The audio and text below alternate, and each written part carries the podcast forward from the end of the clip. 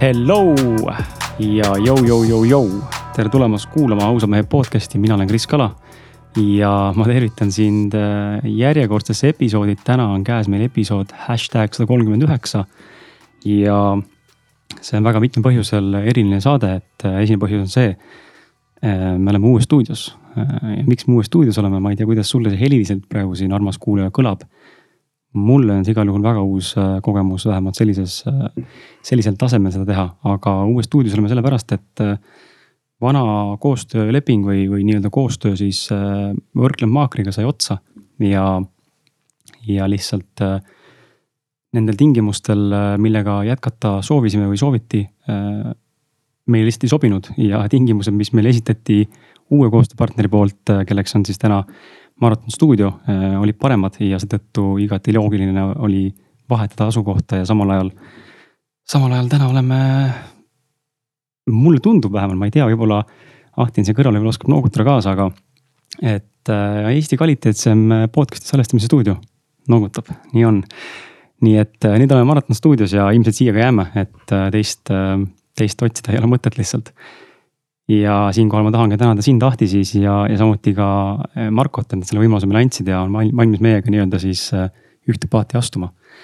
vot ja teistpidi see saade on eriline sellepärast, et täna on külas mul eh, Vallo Arumäe. aga Valloga tegelikult pidi saade ilmuma juba eelmisel reedel, jah. ja miks ta ei ilmunud, seda sa ilmselt lugesid võib-olla Facebookist, võib-olla mitte, aga lühidalt üle rääkides veel, siis minul endal oli lihtsalt nii palju sitta sees, et ma ei suutnud äh, ei suutnud tulla toime sellega, et panna kokku saatekava, küsimusi ja välja mõelda mingit kindlat sellist nagu suunda, mida ma tahan rääkida.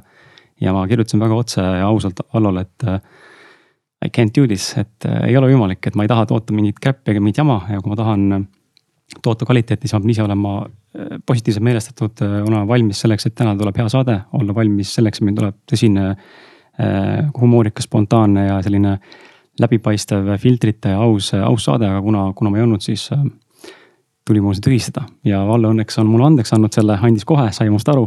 ja, ja tundub, et ka tegelikult armsad kuulajad, te saite ka sellest aru, et ma andsin teile ühe saate välja, inspiratsioonivalangu.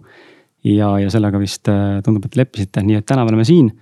Äh, käes on laupäev, saade pidi ilmuma eile, ilmus päev hiljem, pole hullu, siin me oleme ja, ja nii ta on. enne veel, kui saate juurde lähme ja sulle, Vallo, sõna on. korra tuletan sulle, armas kuulaja, meelde ka, et meil on esimesel augustil tulemas ausad mehed live podcast'i salvestus neli mille külaliseks on siis äh, Eesti nõutuim ja hõivatum, ajaliselt siis graafiku mõttes, klientide mõttes hõivatum äh, hüpnoterapeut Ants Rootslane, kes on tegelikult minu meelest kõigest kakskümmend kolm aastat vana vist, aga ta on äärmiselt intelligentne ja ilmselgelt see mees teeb täna enda elus seda, mida tegelikult tegema peab, vähemalt selles äh, eluetapis või arenguetapis. ja kui sul veel piletit pole, siis tungivalt, heas mõttes tungivalt soovitan sinna tulla ja pilet endale soetada, sellepärast et lisaks sellele, et sa näed, kuidas äh, Ants teeb võib-olla ka grupihüpnoosi ja, ja erinevaid äh, nii-öelda hüpnoosdemonstratsioone, me räägime väga elulistel teemadel. ja lahkame erinevaid selliseid äh, teemasid nagu perekonnasüsteemid, hüpnoos ja vaimsus, samuti vastutuse võtmist iseenda elu ees ja mitte teiste süüdistamise nii-öelda mm, õlale nagu toetuda. ja teisalt siis räägime ka hävitavatest emotsioonidest ja paljust muust veel, nii et kui sul piletit pole, siis mine vaata fienta.com'i, otsi üles ausad mehed ja, ja sealt sa leiad ülesse siis endale võimaluse osta kaks piletit, millest üks on kolmkümmend eurot, teine on kakskümmend eurot. kallima pileti korral saab kaasa kaks raamatut ja ausad mehed logoga riidest ostukoti. nii et äh, sihuke info sulle siis, piletid lähevad, üle saja inimese on tulemas äh, juba ja kohti on veel umbes nelikümmend äh, tükki, nii et kui on huvi, siis anna minna. aga lähme tänase saate juurde nüüd ja anname siis Vallole ka sõna, et esiteks tere, Vallo. tere, Kris, tänan kutsumast. Et äh, kuidas, räägi siis sina ausalt äh, kui külaline või, või kui uus sõber, et kuidas sulle mõjus see, kui keegi kirjutab sulle, et kuule, et ma ei saa sinuga teha sellist saadet, sest et äh, ma ei ole valmis selleks kusjuures äh, see oli väga lihtne tegelikult vastata, mul esimene vastus oli sulle, et loomulikult, et kui sa tunned, et sa ei ole nagu selles õiges konditsioonis, et siis lükkame edasi, et ega. ega see saade tegemata ei jää ja põhiline on see, et kuulajad saavad hea saate nii et selles mõttes oli väga lihtne otsus, et ei olnud mingisugust emotsiooni minu poolt vähemalt. Väga hea, sest tihtipeale, tihtipeale võib tekkida see emotsiooni äh, kaasatulemine, tulemine ka sellepärast, et äh, ikkagi on mingid ootused, eeldused, me oleme pikalt seda planeerinud ja nüüd siis järsku äh, jääb nagu puudu, eks ole. aga, aga tore, et sa andeks andsid ja mõistsid mind. Lähme siis saate juurde, täna tuleb põnev saade, räägime rahalisest intelligentsusest, rahatarkusest, rahavoo kvadrandist tõenäoliselt, mis on siis Robert Kiyosaki välja mõeldud või nii-öelda siis tekitatud lahti nii-öelda seletatud dünaamika, mis üldse tähendab. Ja, ja samuti räägime tegelikult, kes sina, Vallo, oled millega sa oled tegelenud, mis on täna sinu jaoks äh, üldse ettevõtlus, mis on investeerimine, mis on raha, mis on vabadus. ja puudutame kindlasti ka Starfish Academy't, mis on siis sinu nii-öelda ettevõte. ma olen teinud väikse sissejuhatuse siia, mille ma loen ette ja siis me lähmegi äh, rahulikult niimoodi teemadega edasi. Äh, Vallo Alumäe, Arumäe on siis ettevõtja, mentor ja treener, kelle missiooniks on inspireerida läbi isikliku eeskuju inimesi kes soovivad olla vabad ja juhtida ise oma elu, jagades nendega reaalse elu kogemusi ja aidates neil leida üles vastused enda seest. alustas ta oma äritegevust umbes kakskümmend aastat tagasi, olles ise vaid kahekümne viie aastane. kokku on töötanud või tähendab, kokku on ta juhtinud kahtteist ettevõtet.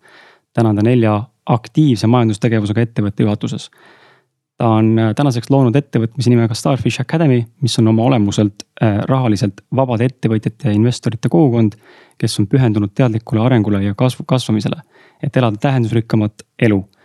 kohtutakse järjepidevalt loodud live ja online kasvukeskkonnas, et jagada üksteisega reaalse elu kogemusi. tehe, tehes seda koos, tehe, teha, tehes koos siis või noh, koos teha tehinguid ja seeläbi kiirendada siis õppimisteekonda, sest et selge on see, et praktika ja teooria peavad käima käsikäes, vastasel juhul ühest korrast sisse, teisest korrast välja, kui see just ei ole tõesti fanatt selles valdkonnas ja sulle see kinni ei jää. Äh, valla eesmärgiks on aidata saavutada rahaline vabadus läbi äri ja investeerimise, elades samaaegselt harmoonilist elu. Starfish Academy äh, pakub siis selliseid teenuseid nagu webinarid, workshop'id, neljanädalane rahalise intelligentsuse sissejuhatav kursus. Kahepäevased rahalise intelligentsuse intensiivkursused, meeskonnatreeningud, äh, workshop'id, live to lead juhtimiskonverents, mastermind grupid, coaching ja mentorlus. ja ühtlasi on ausad mehed podcast siis tänaseks äh, ametlikult Starfish Academy üks koostööpartneritest ehk meie äh, käest on võimalik äh, siis tegelikult juba täna endale soetada vastavat siis toodet või teenust, mis sulle juhuslikult nende kodulehel silma jääb, nendest kindlasti täna räägime ka.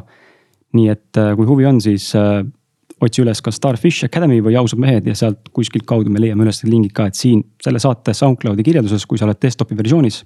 mobiilis sa kahjuks ei näe seda. Desktopi versioonist on olemas kõik erinevad lingid erinevatele koolitustele. nii, mis tunne oli äh, ennast äh, niimoodi, kuigi tutvustab sind selliselt niimoodi äh, valjuhäälselt ja, ja nüüd elavalt äh,? Väga põnev selles mõttes, et oleks tahtnud võib-olla kuidagi lihtsamalt seda välja öelda, aga ma arvan, et vahest on vaja pikemalt selgitada, kes võib-olla ei ole üldse kuulnud meist varem. ja, sest et mina ei olnud üldse kursis sellega, mida sa teed.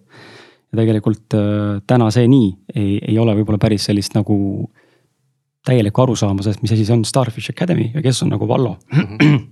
aga laseme sul rääkida, paneme selle jutu jooksma, nii nagu ikka meil klassikaliselt on, räägi enda lugu, see ei pea olema väga pikk. Ma ei anna sulle siin mingeid, mingeid kriteeriumeid mm, -hmm. too välja sellised mõned milstone'id, mis on sulle sinu elu juures mingeid õppetunde või, või nagu mõistmisi andnud, mida sa väärtustad, mida sa hindad, mis on oluline inimestega jagada ja, ja kuidas sa jõudsid täna siia, kes sa oled täna ja kuidas sa rajasid siis võib-olla ka Starfish Academy mm? -hmm.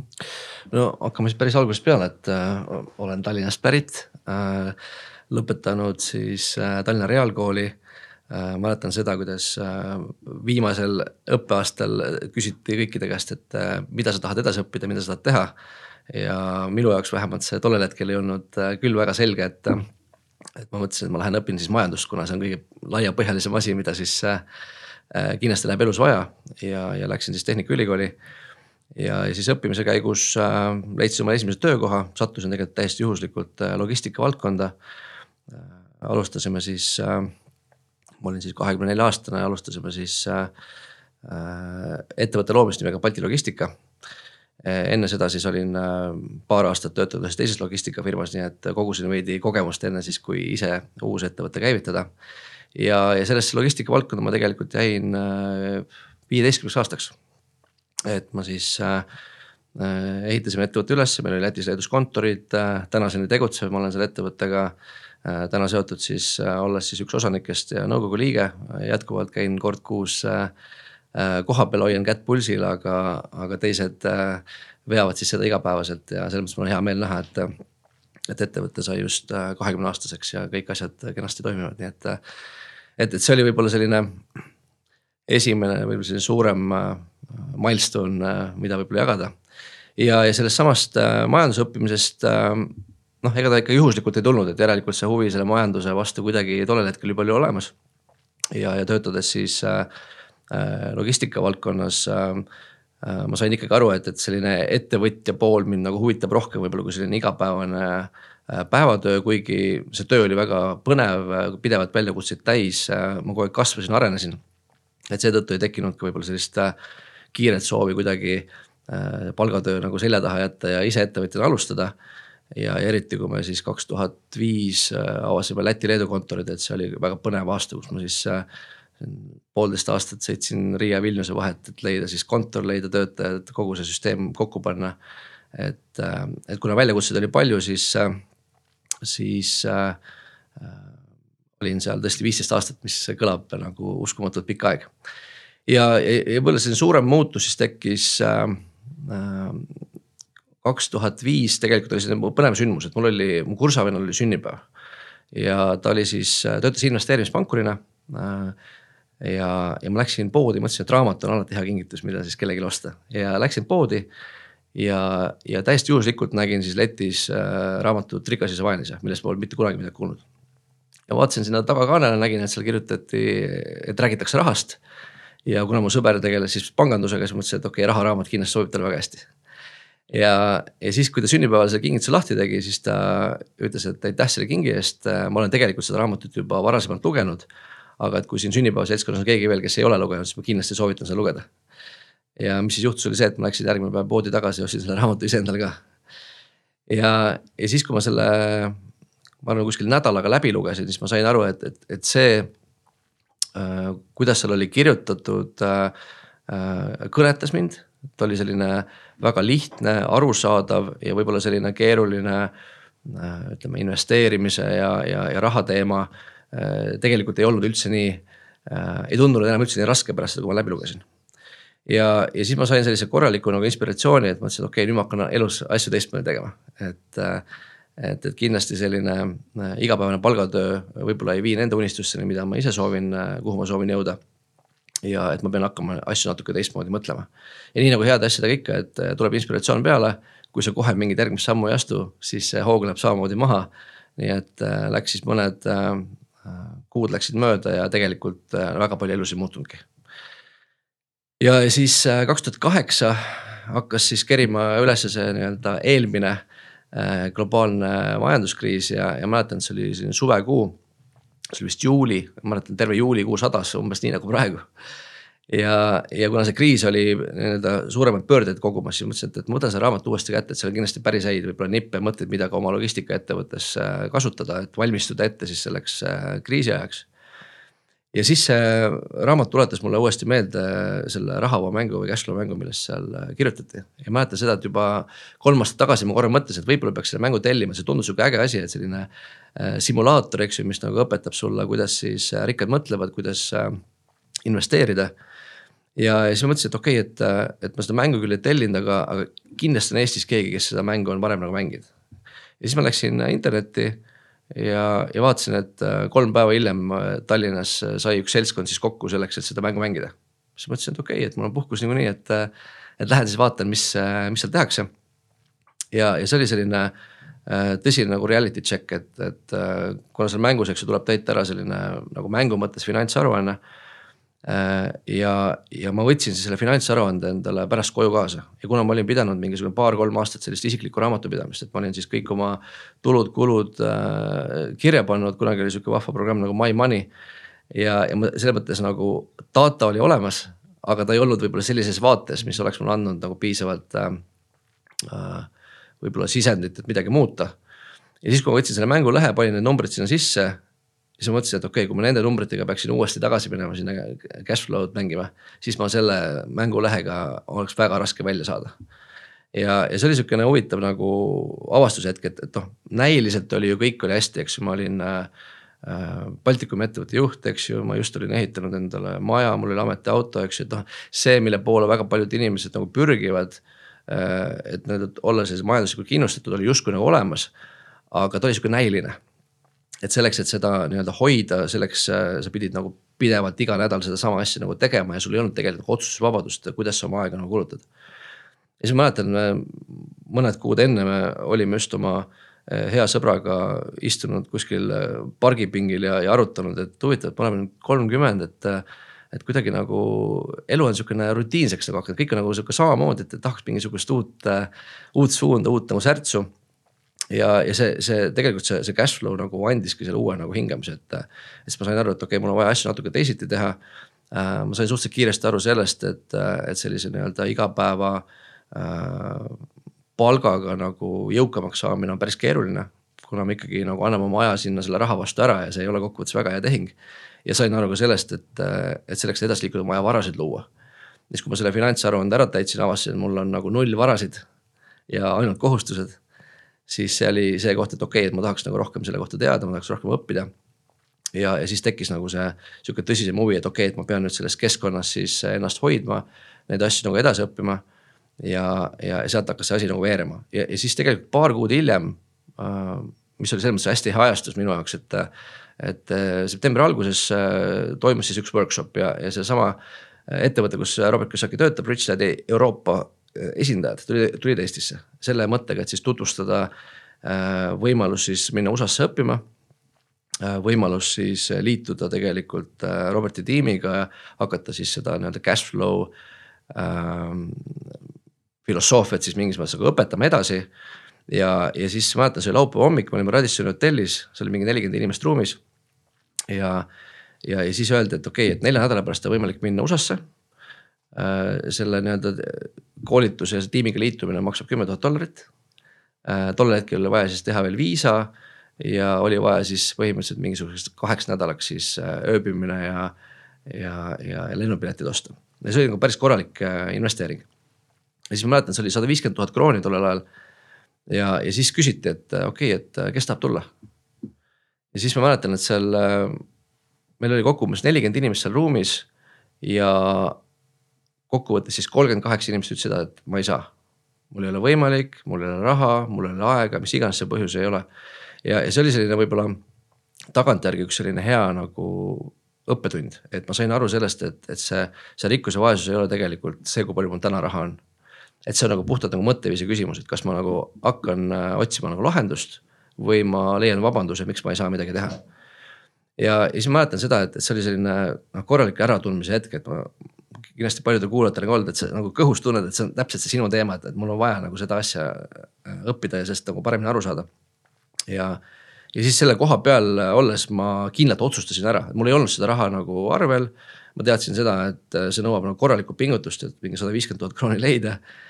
ja, ja, aga ma olin täiesti kindel, et ma lähen sinna ja ma ütlesin ära, et ma sinna ka lähen ja siis ma mäletan, ma läksin koju ja sellel samal nädalavahetusel juhuslikult sattus äh, mu ema olema külas, ta muidu äh, ise elas äh, või siiamaani elab Stockholmis.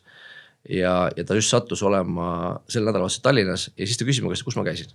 ma ütlesin, ma käisin ühel workshop'il ja, ja nüüd ma siis plaanin siin kuu aja pärast USA-sse minna edasi õppima neid asju. ja siis ta küsis, et, et oled sa nagu kindel, et see nagu on piisavalt äh, nagu väärtuslik asi, et see on nagu päris suur reis, tolleks hetkeks ma ei ole mitte kunagi siis USA-s käinud. ja siis ma ütlesin, et jaa, et, et see on äh, täpselt see teema, mis mind elus hetkel nagu huvitab. ja siis, kui ta küsis mu käest, et kui palju see maksab, ma ütlesin talle selle tasu. siis ta nii-öelda küsis mu käest veel kord üle, et, oled sa nagu päris kindel, et see on nagu päris suur investeering. ma ütlesin, et ma tean, et see investeering, aga, aga ma pean sinna minema, et see on täpselt see, mis ma hetkel vajan oma elus.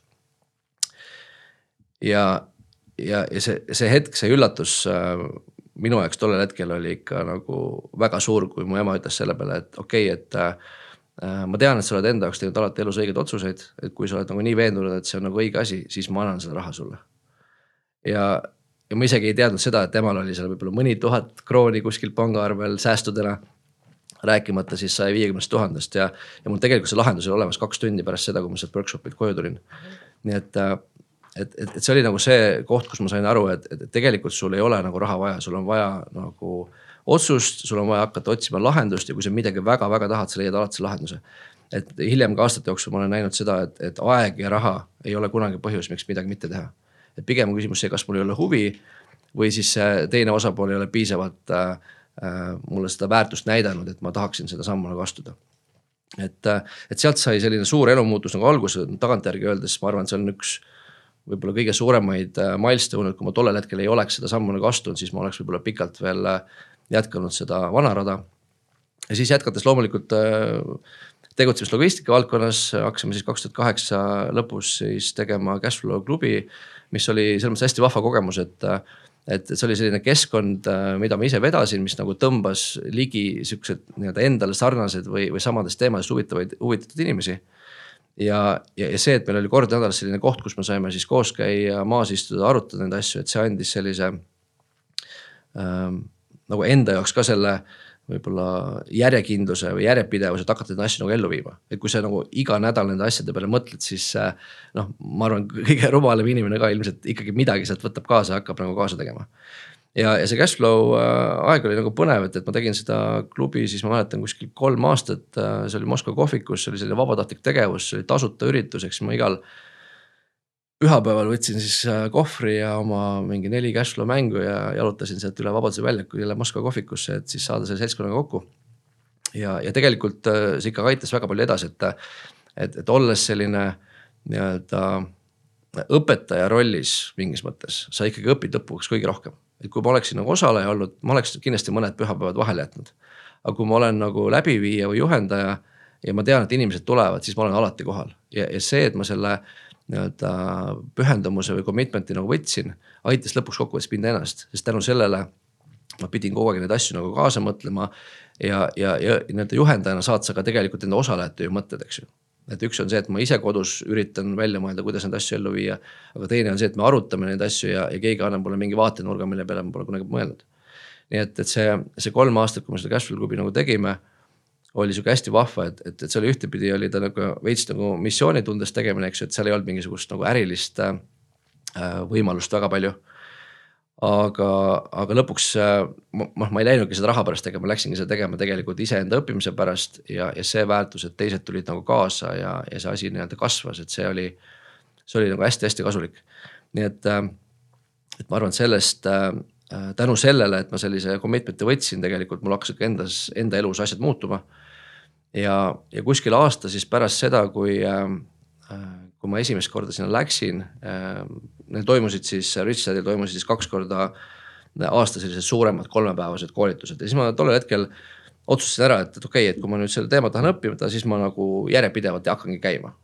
et, et mind alati üllatas, et kui keegi nagu ühe korra tuli ja siis enam nagu ei tulnud, et, et, et see oligi sihuke ühekordne nii-öelda äh, äh, linnuke, aga mul oli pigem see, et kui ma selle otsuse teen, siis ma olen üldiselt oma asjadega olnud alati elus järjepidev, et ma olin seal logistika valdkonnas viisteist aastat, eks ju. Äh, täna ma olen siis selle nii-öelda finantshariduse rahatarkusega, eks ju, kümme pluss aastat tegelenud, tavaliselt on see, et kui ma selle otsuse teen, siis, siis ma nii-öelda ei lõpeta enne seda, kui sealt tuleb selline märkimisväärne nagu edu ja, ja tulemus. ja, ja, ja siis samal ajal ja kaks tuhat üheksa, siis ma läksin tagasi äh, ühele USA koolitusele. ja, ja mäletan seda, et äh, enne siis, kui see koolitus toimus, oli siis võimalik äh, minna sinna Rich Daddy koosolekule. Neil oli iga teisipäev hommikuti äh, olid siis sellised meeskonnakoolitused, meeskonna koosolek ja, ja siis mõned väliskülalised võisid minna sinna lihtsalt vaatama, kuidas see asi toimub. ja sellel samal koosolekul, kus ma siis käisin, Robert siis äh, Äh, ma arvan, täiesti juhuslikult, eks ju, küsis, et äh, okei okay,, et kellel ei ole veel täna paigas seda plaani, et, millal ta soovib äh, palgadest loobuda, et siis te võiksite võtta paberipliiatsi ja kirjutada selle kuupäeva sinna paberi peale. siis ma mõtlesin, et okei okay,, et ma olen siin mingisugune tolleks hetkeks siis mingisugune äkki kaksteist aastat palgatööd teinud. ja, ja, ma sain aru sellel hetkel, et, et ma niimoodi ei taha jätkata. ja kirjutasin siis paberi peale esimene mai kaks tuhat kümme ehk siis täpselt aasta aega edasi sellest päevast, kus ma seal koosolekul istusin. ja siis hakkas nagu nii-öelda alateadlikult hakkas see mõte nagu kerima, ma justkui olin selle otsuse nagu ära teinud. ja, ja, ja siis äh, kuskil pool aastat siis hiljem äh, ma siis teavitasin ka oma logistikaettevõtte siis meie keskastme juhte, kes olid siis sellised potentsiaalsed, potentsiaalsed nii-öelda, nii-öelda teatepulga ülevõtjad. et ma nüüd plaanin siin, siin esimene mai kaks tuhat kümme nagu ära minna ja, ja mingis mõttes see oli selline ähm,. selline samm, mida me ikkagi nagu tugevalt nagu kaalusime, siis see oli natuke sihuke hüpe tundmatusse, et ega me täpselt ju ei teadnud, kuidas see lahendus nagu tuleb, et, et see on natuke. võib-olla võrreldav sellega, et sa nagu hüppad nagu lennukist välja. Ja, ja siis sa nagu usud, usud endasse nii palju, et see, see langevari kuskil enne seda maandumist sul nagu avaneb õiges kohas. ja, ja siis ma mäletan, viimased kuus kuud võib-olla olid kõige raskemad seal nii-öelda tööl olles, kuna ma oma mõtetega olin juba tulevikus ja juba nii-öelda mõtlesin, kuidas siis see uus elu hakkab nagu välja nägema. ja samal ajal tegin siis neid ümberkorraldusi, et, et see üldse võimalikuks saaks, sest kui sul on ikkagi korralik nagu palk äh,. tollel hetkel mul oli ikka nagu äh, kohustused nagu oma kodu näol, et kuna ma olin ehitanud endale maja, siis mul oli päris suur nagu majalaen oli seal taga. mis võttis tegelikult peaaegu mingi viiskümmend protsenti mu kuludest. ja, ja see väljakutse oligi siis see, et okei okay,, kuidas ma saan üldse töölt ära tulla, kui mul on selline suur äh, kohustuste koorem kaelas ja ma veel ei tea seda, kust need sissetulekud täpselt hakkavad tulema. nii et seal oli päris palju tundmatust, aga, aga see otsus oli kindel ja, ja ma kuidagi nagu sisi, sisimas nagu tundsin, et noh, et ma tulen sellest olukorrast välja. ja siis ma avastasin selle ka, et, et, et millegipärast on kuidagi elus olnud niimoodi, et kui mul on nagu selg vastu seina, et siis ma olen nagu kõige efektiivsem, siis ma leian mingisugused ekstra käigud, mida muidu ei leia ja, ja inimestel on ikkagi see, et, et noh, kui meil lastakse nagu mugav olla, siis me olemegi täpselt nii mugavad, kui lastakse. et, ähm, et võib-olla seda ma ei ole nii hästi selgeks saanud, kuidas ennast nagu, nagu teadlikult nagu hästi ebamugavasse olukorda kogu aeg panna. aga ma tean seda, et, et seal on tegelikult need ekstra käigud kõik nagu varuks, nii et, et, et see oli siis selline suur hüpe, siis mäletangi nädal aega siis enne seda äh, tähtaega äh, ma siis tulingi töölt ära Ehm, tolleks hetkeks äh, mul ei olnud veel lahendust selle, selle kodu osas. Äh, aga mul oli väga selge plaan, et, et ma sain siis sellest äh, samast õppimisest aru sellest, et. et on olemas nagu hea laen, olemas halb laen. et hea laen on see, mida siis keegi teine maksab ja halb laen on see, mida sa ise maksad. ja siis ma sain aru, et, et okei okay,, et kui ma selle, selle suure kodulaenu teeks selliseks, et keegi teine hakkaks maksma. siis see oleks nagu lahendus, et ma, et, et üks variant on see, et sa müüd selle nii-öelda kodu ära mis oli võib-olla sihuke raske samm, kuna see oli sihuke emotsionaalne otsus, et mäletan kunagi keskkoolipingis ikkagi unistasin, et mul on kunagi oma, oma maja, kus ma elan, eks ju, ja siis see unistus oli justkui mingi paar aastat tagasi nagu ellu viidud. ja siis sa pead kohe otsustama, et okei okay,, nüüd ma müün selle maja maha. ja, ja siis äh, ma sain aru, et okei okay,, aga tegelikult ma ei pea ju müüma, et kui ma selle nii-öelda kodu nagu välja rendin. Siis äh,, siis ta muutub heaks laenuks, keegi teine hakkab seda laenu maksma ja, ja, ja see võib-olla see samm oli siis see, et, et ma pigem emotsionaalselt nagu lasin sellest asjast nagu lahti et, et sa võid nagu öelda, et okei okay,, et äh, noh. ma olen ju selle maja endale teinud, et ma peaksin justkui seal nüüd nagu kinni hoidma sellest, aga tegelikult ma nägin seda, et kui ma seda teen, siis see mõjub kahjulikult finantsaruande mõttes ja, ja see nii-öelda otsus siis astuda mingis mõttes nagu samm tagasi selleks, et nagu tulevikus astuda kaks sammu edasi. Oli siis see, mis selle asja nagu lahendas ja kui ma selle kodu siis lõpuks äh, välja üürisin. siis äh,, siis see nii-öelda ülejääv osa äh, mis sealt siis kätte veel jäi, aitas mul tegelikult maksta kinni ka siis selle uue kodu või uue korteri, mis ma siis endale üürisin. nii et see oli selline väikene äh, selline ümberkorraldus, aga kokkuvõttes äh, finantsaruande muutus väga-väga palju paremaks. ja, ja see andis mulle sihukese nagu puhvri. Ja teine samm, mis ma siis tegin, oli see, et äh, üks korter, kus ma olin siis varasemalt elanud äh,, enne kui ma majja kolisin, oli mul tollel hetkel välja üüritud ja aasta kaks tuhat kümme oli selline just sihuke kriisijärgne aeg, kus põhimõtteliselt kinnisvara hinnad olid äh, täiesti põhjas. ja siis ma mõtlesin, et, et selleks, et nagu seda muutust teha, kui ma müüksin selle korteri ära, siis ma ostaksin endale kaksteist kuud aega. et ma sain aru, et see, see, see raha ja aeg on nagu selline nagu seotud protsess, et tihtipeale inimesed nagu müüvad nagu oma aega raha vastu. aga sama hästi ma saan ka seda nii-öelda aega osta raha vastu ja, ja siis, kuigi need hinnad olid põhjas, siis ma sain aru, et okei okay,, kui ma müüksin selle korteri ära, siis see kaksteist kuud on selline aeg, mida ma hetkel just vajan seda, et seda muutust ära teha. nii et paar sihukest äh, liigutust äh, seal tegelikult aitasid selle sammu nagu ära teha. Ja siis sealt läks mul edasi veel umbes aasta, nii et, et kui ma võtan nüüd päris alguspunktist kuni siis selle nagu võib-olla finantsvabaduse hetkeni läks mul umbes neli aastat, aga ma tegelesin selle asjaga nagu pidevalt. et see oli ka nagu see kogemus, et, et, et see ei ole mingi selline äh, kiire protsess, eks ju, et sul on ikkagi väga suured muutused vaja elus teha. ja tihtipeale on ka see, et, et mida kaugemale sa oled jõudnud, mida, mida suuremad on su tänased sissetulekud, seda suuremad on ka su kulud. eks see, see, nagu see barjäär, millest vaja üle, üle hüpata, on veel raskem.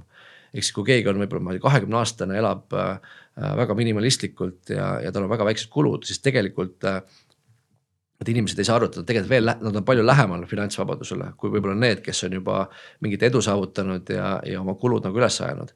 nii et, äh, et olles siis selline kolmkümmend pluss, ma tegin ikka sellise totaalse kannapöörde, et ma lasin põhimõtteliselt kõigest lahti, ma lasin lahti sellest tööst, kus ma olin, ma lasin, andsin oma ametiauto tagasi äh,, andsin oma maja ära ja, ja piltlikult hakkasingi nagu nullist pihta ja, ja see tegelikult äh, oligi vajalik, sest mul oli vaja see muutus nagu ära teha ja see valu oli vaja nagu läbi, läbi teha ja, ja kui keegi nagu arvab, et see kuidagi tuleb kergelt või kiirelt, et need äh, äh, nii-öelda rahalised muutused nagu ära teha, siis see on kindlasti selline müüt, et, et kui keegi teeb seda, ma ei tea, vähem kui kolme aastaga, siis müts maha, et, et see on ikkagi tõsine nagu saavutus.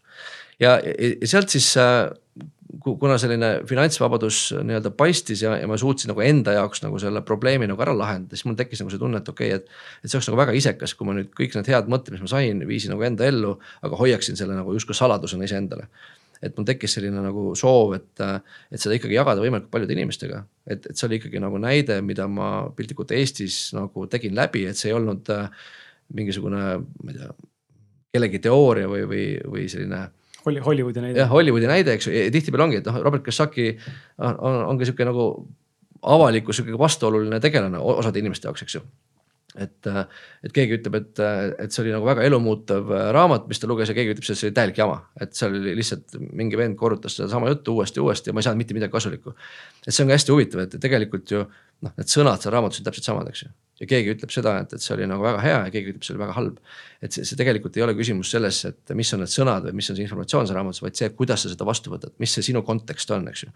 et, et kas mul on see avatud kontekst või ma ütlen seda, et ah, see on mingi täielik jama ja, ja mõlemal, mõlemal inimesel on õigus ja, ja, ja ma selles mõttes olen võib-olla natuke elav näide sellest, et, et tegelikult see töötab, seesama filosoofia, mis tegelikult seal kirjas on, eks ju, ma põhimõtteliselt samm-sammult viisin need asjad nagu ellu. ja, ja, ja sain finantsilt vabaks ja siis ma mõtlesin, et okei okay,, et, et see oleks nagu, tundsin natuke veits nagu elumissioonina, eks, et okei okay,, et, võimalikult paljusid inimesi siis aidata sellega. sest äh, see, mida ma tegin, noh, ei olnud mingisugune, ma ei tea, kosmoseteadus või see ei olnud, ma ei olnud kuidagi nagu eriliselt intelligentsem kui teised inimesed, ainuke asi oli see, et ma olin pühendunud ma olin järjekindel ja, ja ma olin valmis neid muutusi tegema ja seda valu läbi käima, et, et, et siis sinna hetkeni nagu jõuda. ja, ja põhimõtteliselt sellest hetkest edasi noh, ongi olnud nagu see soov, et, et seda, seda rahaharidust, finantsharidust võimalikult paljude inimestega jagada. luua selliseid keskkondi, äh, kus inimesed saavad tulla, kus on sarnaselt mõtlevad äh, inimesed, kes tahavad samu asju. ja seal nii-öelda koos sümbioosis siis asju arutades, äh, kogemusi jagades me tegelikult aitame edasi, et seda nagu üksinda kodus teha on väga-väga raske, nii et. et, et selles mõttes sealt on nagu see algust nagu saanud ja, ja Starfishi võib-olla sündimise lugu tuli sealt edasi, et noh, see, see cashflow klubide teema justkui nagu veits nagu vaibus, vaibus ära, noh. see taust oli see, et kunagi oli plaanis, et Ristead tahtis teha cashflow klubidest nagu frantsiisi. ja siis nad mingil hetkel nagu said aru, et, et noh, seal tegelikult ei ole nagu seda, seda rahamudelit taga, kuna ikkagi inimesed käivad seal pigem nagu vabatahtlikult, eks ju, ja, ja nad tulevadki sinna sellest, et neil ei ole raha, eks ju. ja, ja siis kaks tuhat kümme, umbes samal ajal, kui ma selle muutuse tegin siis Richard ütleski, et okei okay,, seda frantsiisi ei tule. ja, ja siis äh, seal olid mõned inimesed, kes siis seda tegidki nagu kas siis enda pärast või missiooni pärast, kes jäidki seda edasi tegema, aga selline see, see nagu rahvusvaheline mudel, mida nad plaanisid, see nagu lõppes ära. ja, ja siis äh, ma mäletan seda, et sellesama nii-öelda tiimis oleku käigus meil tekkis siin üks selline äge mõte, kaks tuhat üheksa ma läbisin ühe coaching programmi, kus ma siis iga kuu vabandust, igal nädalal siis kolme kuu vältel äh, coach'iga nagu suhtlesin ja siis ta küsis mu käest neid äh, äh, õigeid küsimusi, eks ju, et mida ma üldse elus tahan, eks ju. kuidas ma oma tulevikku nagu näen, mis mu isiklik missioon võiks elus olla. ja, ja üks nendest äh, küsimustest, mis oli, et okei okay,, mis on see suur asi, mida sa tahaksid nagu ellu viia, siis ma mäletan kaks tuhat üheksa mõtlesime, et. et jube vahva oleks sihukene äge asi, kui äh, viia Robert Kiyosaki Venemaale. et, et ma teadsin seda, et ta ei olnud seal mitte kunagi käinud ma teadsin seda, et Venemaal oli üle nelja miljoni inimesi, kes olid lugenud äh, Rikas ja vaenlase raamatut. ja ma teadsin seda, et seal see kogukond, kes tegelikult huvitus sellest teemast, oli olemas. ja, ja siis äh,, ja siis see mõte hakkas nagu vaikselt kerima ja siis äh, üllatuslikult äh, oli meil siis üks teine äh, Eesti tiimi liige Sulev, kellega me siis äh, sellest asjast rääkisime ja tal juhuslikult oli umbes samasugune plaan. et ta just oli samal ajal mõelnud, et võiks ka kunagi sihukese nagu sammu teha, kuna tal oli ka siis kontakte natuke Venemaa suunal ja, ja siis äh, sai see mõte nagu istutatud, eks ju, ja, ja siis me hakkasime oma asja nagu edasi tegema ja siis kaks aastat hiljem äh, meid kutsuti Peterburgi äh, viima läbi siis seda cashflow üritust, eks ju, mängisime mängu, jagasime õppetunde. ja, ja siis me kohtusime seal ühe, ühe Venemaa partneriga, kes siis vedas üks väga suurt organisatsiooni, kes kutsus meid siis mõne kuu pärast Moskvasse tagasi ja, ja seal me siis, seal oli mingisugune viiesaja inimesega üritus. seda üritust ei unusta kunagi, et me mängisime siis mingis, ma ei tea, viiekümne, äkki viiekümnest lauas mängisime Cashflow'd samal ajal. et see põhimõtteliselt ruumi taha nurka, sul ei olnud võimalik näha inimeste nägusid, sest igas lauas oli seal mingi kaheksa kuni kümme inimest, eks ju, tavaliselt võib kuus tükki olla. et nad olid, see ruum oli täiesti täis ja sealt kuidagi hakkas nagu see Venemaa suund nagu veerema. ja siis äh, ühel koosolekutel siis Robert küsis, et okei okay,, kuidas teil läheb ja siis ma jagasin seda Venemaa kogemust, et see huvi on suur ja siis ta küsis mu käest, okei okay,, kuidas me saame sind aidata. ma ütlesin, et äh, ma ei tea, me võiks mingi ürituse Venemaal teha. ja siis ta mõtles natuke aega, mingisugune nädalake, tuli, tuli tagasi ja ütles, et okei okay,, et pane siis kirja, et juuni kaks tuhat kaksteist, et äh, ma tulen Venemaale. ja, ja see oligi, et, et, et sellisest nagu mõttest, visioonist, soovist et me oleme rääkinud varem seda, et kuidas need mõtted realiseeruvad, eks ju. et sellest samast lihtsalt ühest ideest, et keegi, ma ei tea, väikses Eestis mõtleb, et võiks sihukese suure asja teha. kolm aastat hiljem ma olin Moskvas, seal oli mingi viis tuhat inimest oli saalis. ja see oli siis tollel hetkel üks, üks suuremaid selliseid äh,, mitte kontserte, vaid kus siis on selline nii-öelda spiiker äh,. ja samal ajal siis viis tuhat inimest nagu saalis asja nagu kuulavad, et, et see oli sihuke vahva nagu äh, kogemus ja, ja, ja sealt siis nagu hakkas see mõte nagu kerima ja siis äh, pärast seda üritust äh, mäletan seda, et, äh, et Robert küsis, et, et kuidas te nagu sihukese asjaga nagu hakkama saite, et neil oli siis tol hetkel selline globaalne koolituspartner Success Resources, kes siis korraldas kõiki neid üritusi. ja siis Robert ütles, et ma arvan, et isegi nemad ei oleks suutnud nagu viis tuhat inimest nagu Moskvas ruumi panna. et kas te olete nagu täiesti crazy'd, eks ju, või see asi teile nagu väga meeldib. ja, ja siis me olime just samal ajal olime lugemas äh,. meil olid siuksed äh, Rich Daddy nagu siseüritused, kus me siis lugesime nagu raamatuid, meil olid Bookstudy grupid, eks, et me pidime lugema selleks ürituseks mingi raamatu läbi ja siis me arutasime neid asju. ja üks raamat, mis me siis lugesime, oli sihuke raamat nagu The Starfish and the Spider. mis siis räägib äh, sellisest nii-öelda kahte tüüpi organisatsioonidest, et, et ühed on sellised tsentraliseeritud mis siis äh, sümboliseerib seda ämblikku, eks ju, sul on selline nagu pea, sul on need jalad. ja kui sa selle pea maha võtad, siis kõik jalad surevad ka ära, siis kogu organisatsioon sureb ära, kõik on nagu sellest juhist kinni. ja siis on sul sellised detsentraliseeritud, mida sümboliseerib Starfish, eks ju, kus on see, kui sa võtad selle Starfishi ühe jala nagu maha siis mitte see Starfish, kelle jalg ära võetud, jääb ellu, vaid ka see üks jalg kasvatab uue Starfishi külge. ehk siis seda ei juhi nagu üks juht, vaid seda juhib siis pigem selline äh, mõtteviis, filosoofia äh, selline mindset, eks ju, siis ma saingi aru, et, et, et sõltumata sellest, mida Kiyosaki teeb või mida Dad teeb me teeme seda asja niikuinii edasi, et selleks hetkeks ta oli saanud juba nagu oma asjaks, et me, me kuidagi ei üritanud nagu teda siin esindada, vaid see oligi see, et see olingi juba mina. ja, ja, ja tollel hetkel siis äh, oligi see soov, et neid asju nagu hakata nagu edasi tegema. Ja siis äh, Robert küsis, ma mäletan lavalt mu käest, et, et äh, kui Rich Dad'i ei oleks, te teeksite seda ikka edasi, Vallo ma ütlesin, et teeksime küll. siis okei okay,, you are a starfish. ja sealt kuidagi jäi nagu see, see sõna jäi nagu paika ja mulle väga see, see filosoofia või see mõtteviis ka meeldis, et okei okay,, et meil ei olegi vaja mingisugust nagu ühte suurt juhti, kes asja veaks, vaid meil on vaja seda mõtteviisi, mis inimesi ühendab ja sealt tegelikult sai see Starfishi eh, nimi alguse, aga ka tegelikult see organisatsiooni struktuur, et, et meil ei ole täna. me oleme täiesti nagu flat organisatsioon, eks ju, meil ei ole täna suuri juhte, väikseid alluvaid, kõik on nagu samal pulgal. igal on lihtsalt erinevad rollid, eks ju. et, et päris palju siukseid võib-olla asju, mida ma olen viimase kümne aasta jooksul teinud, on ikkagi hästi palju olnud inspireeritud sellest, mida Richard on pakkunud, et mitte see, et ma oleks mingisugune. ma ei tea, tuline nagu lihtsalt mingi fänn, vaid, vaid ma pigem räägin seda sellepärast, et see on nagu minu puhul töötanud. et, et, et see ei ole lihtsalt enam nagu teooria, vaid see on puhas nagu praktika. ja, ja kõik asjad, mis me täna nagu inimestele nagu õpetame, jagame, tulevad ikkagi puhtalt nagu kogemuse pealt, et me ei räägi täna ühtegi teoreetilist asja, vaid ainult neid asju, mida oleme ise teinud. juhul kui me teinud ei ole, siis me neid asju pigem ei räägi.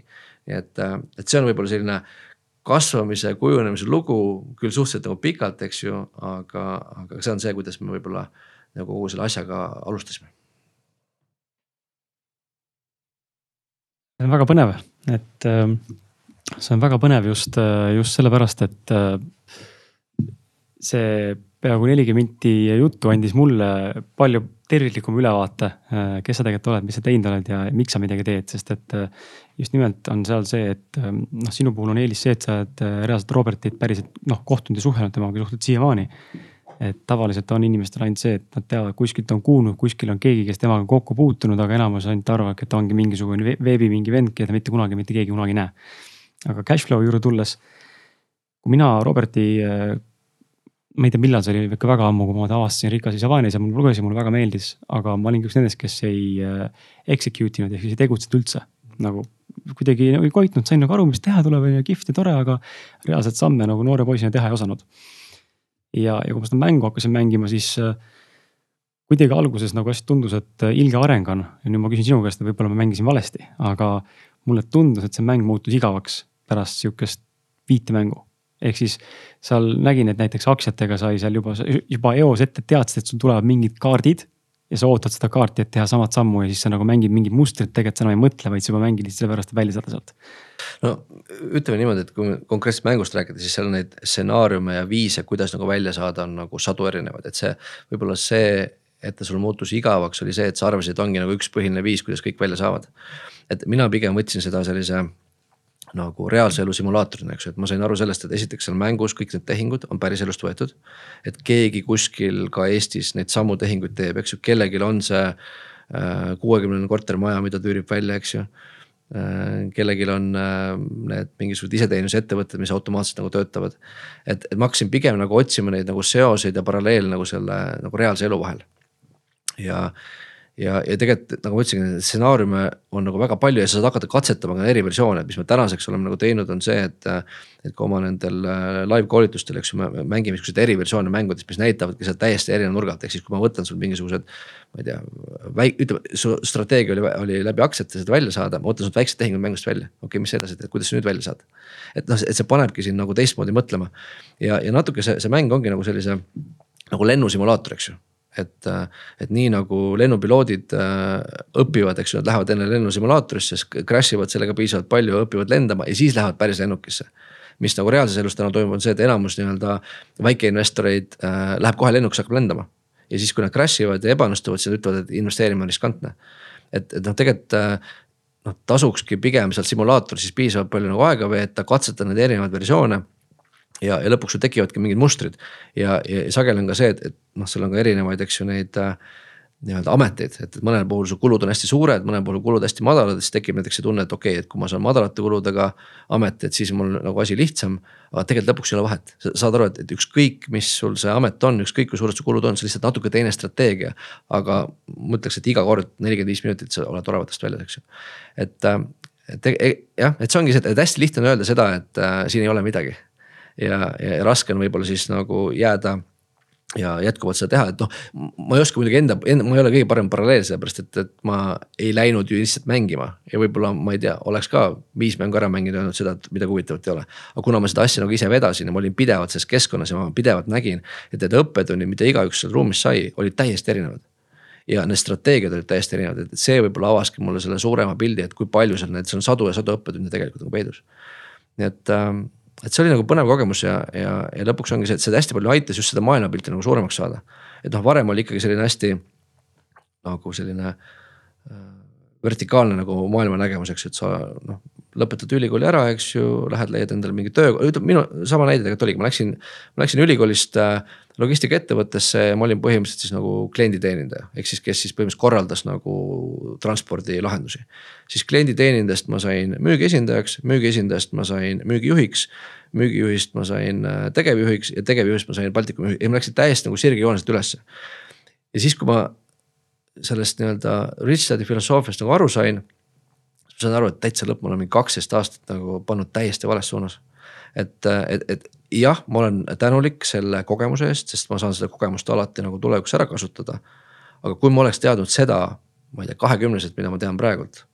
siis ma tõenäoliselt ei oleks seda nii pikalt seda redelit nagu roninud ja, ja see mida kõrgemal pulgal sa redelil oled, seda raskem on sellest redelist nagu lahti lasta. et noh, sul on tekkinud mingisugune selline staatus, eks ju, sa oled nagu oma valdkonnas nagu professionaalselt kuidagi nagu. ma ei tea, austatakse ja, ja see on nagu selline petlik asi, mis sind hoiab selles asjas kinni, milles sa võib-olla ei peaks enam olema.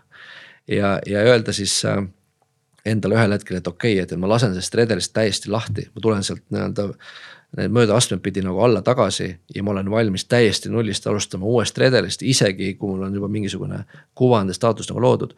et ma arvan, see on nagu päris keeruline, et, et, et ma.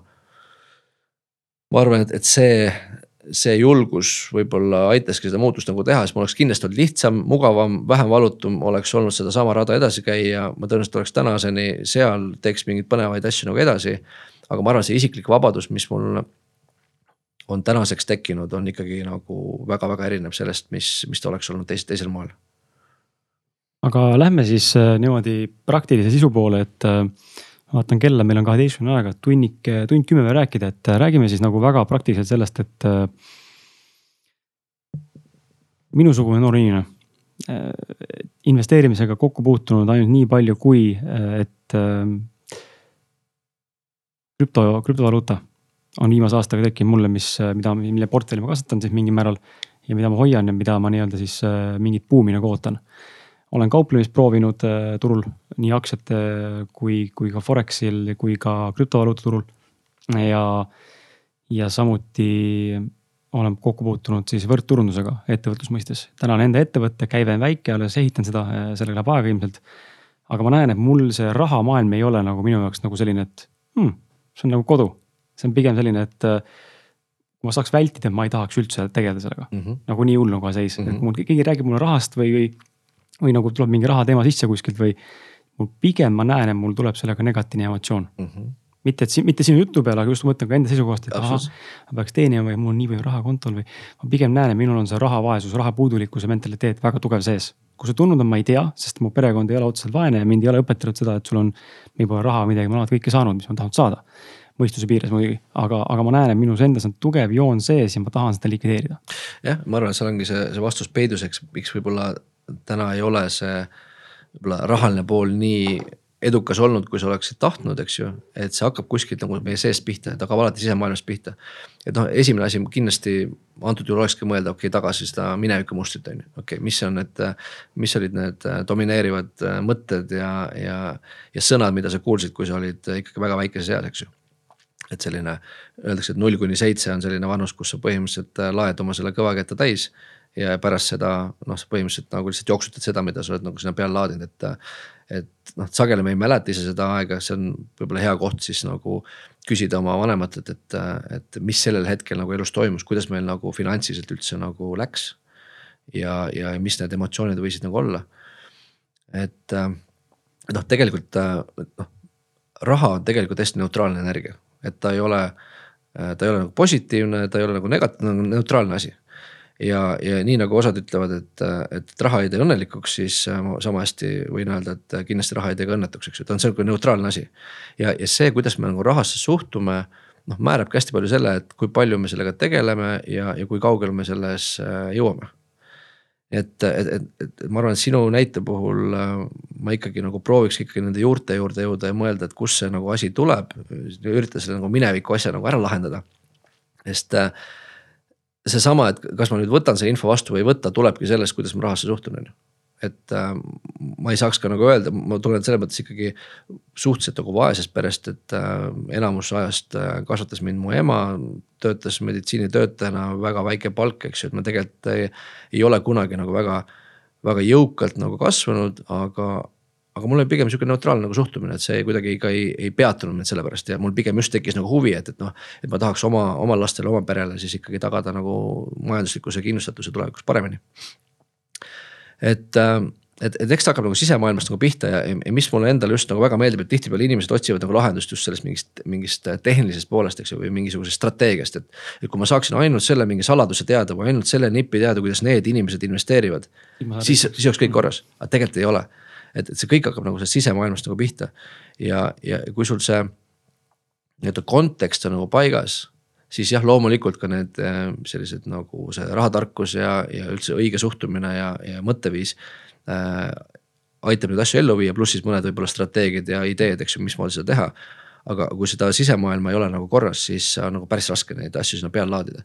et kui sa kujutad ette, et see on nagu noh, meil on praegu siin laual, eks ju, on, on, on vee veepudel ja, ja klaas, eks ju, et, et kui ütleme siin see pudel oleks mingi kümneliitrine ja siin oleks kõik see info sees, mida sul on vaja teada, et nagu edukaks ja rikkaks saada. ja sul, su klaas on sama suur, kui siin laua peal ja kui ma hakkasin kümne liitrisest kallama, siis üsna kiiresti hakkab ta üle ära ajama, eks ju. mis tähendab seda, et, et nüüd on see, et okei okay,, mis ma siis nüüd teen, kas ma hakkan seda nii-öelda väikestes kogustes jooma. või on siis see lahendus, ma peangi leidma suurema klaasi ja see suurem klaas ongi see, et ma pean oma seda mõttemaailma konteksti nagu raha osas nagu laiendama. ja kui ma seda tööd ei tee, siis ma pidevalt kallan sinna klaasi, mis jookseb nagu üle ääre, eks. Ja, ja ma, ma ei suuda nagu sellest nagu kaugemale saada. et, et, et see et see sisemaailma osa on nagu hästi-hästi oluline ja, ja ma arvan, et võib-olla meie ütleme, Starfish'i täna üks tugevus ongi see, et me nagu kombineerime justkui need kaks asja kokku. et me paneme hästi palju nagu rõhku sellele mõtteviisile ja mõtteviisi muutmisele. ja, ja teistpidi ka siis äh, võib-olla ikkagi ütleme reaalselt siis nagu lahendused, kuidas siis äh, mingis varaklassis mingeid samme nagu astuda. et sa tõid siin näiteks, eks ju aktsiatesse investeerimine. noh, tihtipeale inimeste jaoks aktsiate investeerimine on see, et ma ostan odavalt ja müün kallilt, eks ju aga noh, see on ainult üks viis, kuidas neid asju tehakse, on olemas ju ma ei tea, optsioonid, eks ju, optsioonide müümine, mis on piltlikult nagu kindlustuslepingute müümine. täiesti hoopis teine mäng, eks ju, aga see kõik on justkui nagu pabervarad või aktsiatehingud. ja nüüd, kui ma arvan seda, et ma proovisin aktsiatehinguid, ostsin, kaotasin, siis aktsiad mulle ei sobi, see on see, kui kiiresti tegelikult tehakse need järeldused, et kas miski asi sobib või mitte. et mida, mida see, võib-olla see äh, suure pildi nägemine ja see, see cash flow mängu mängimine mulle andis, oli see, et andiski selle suure pildi, mis need varaklassid üldse on.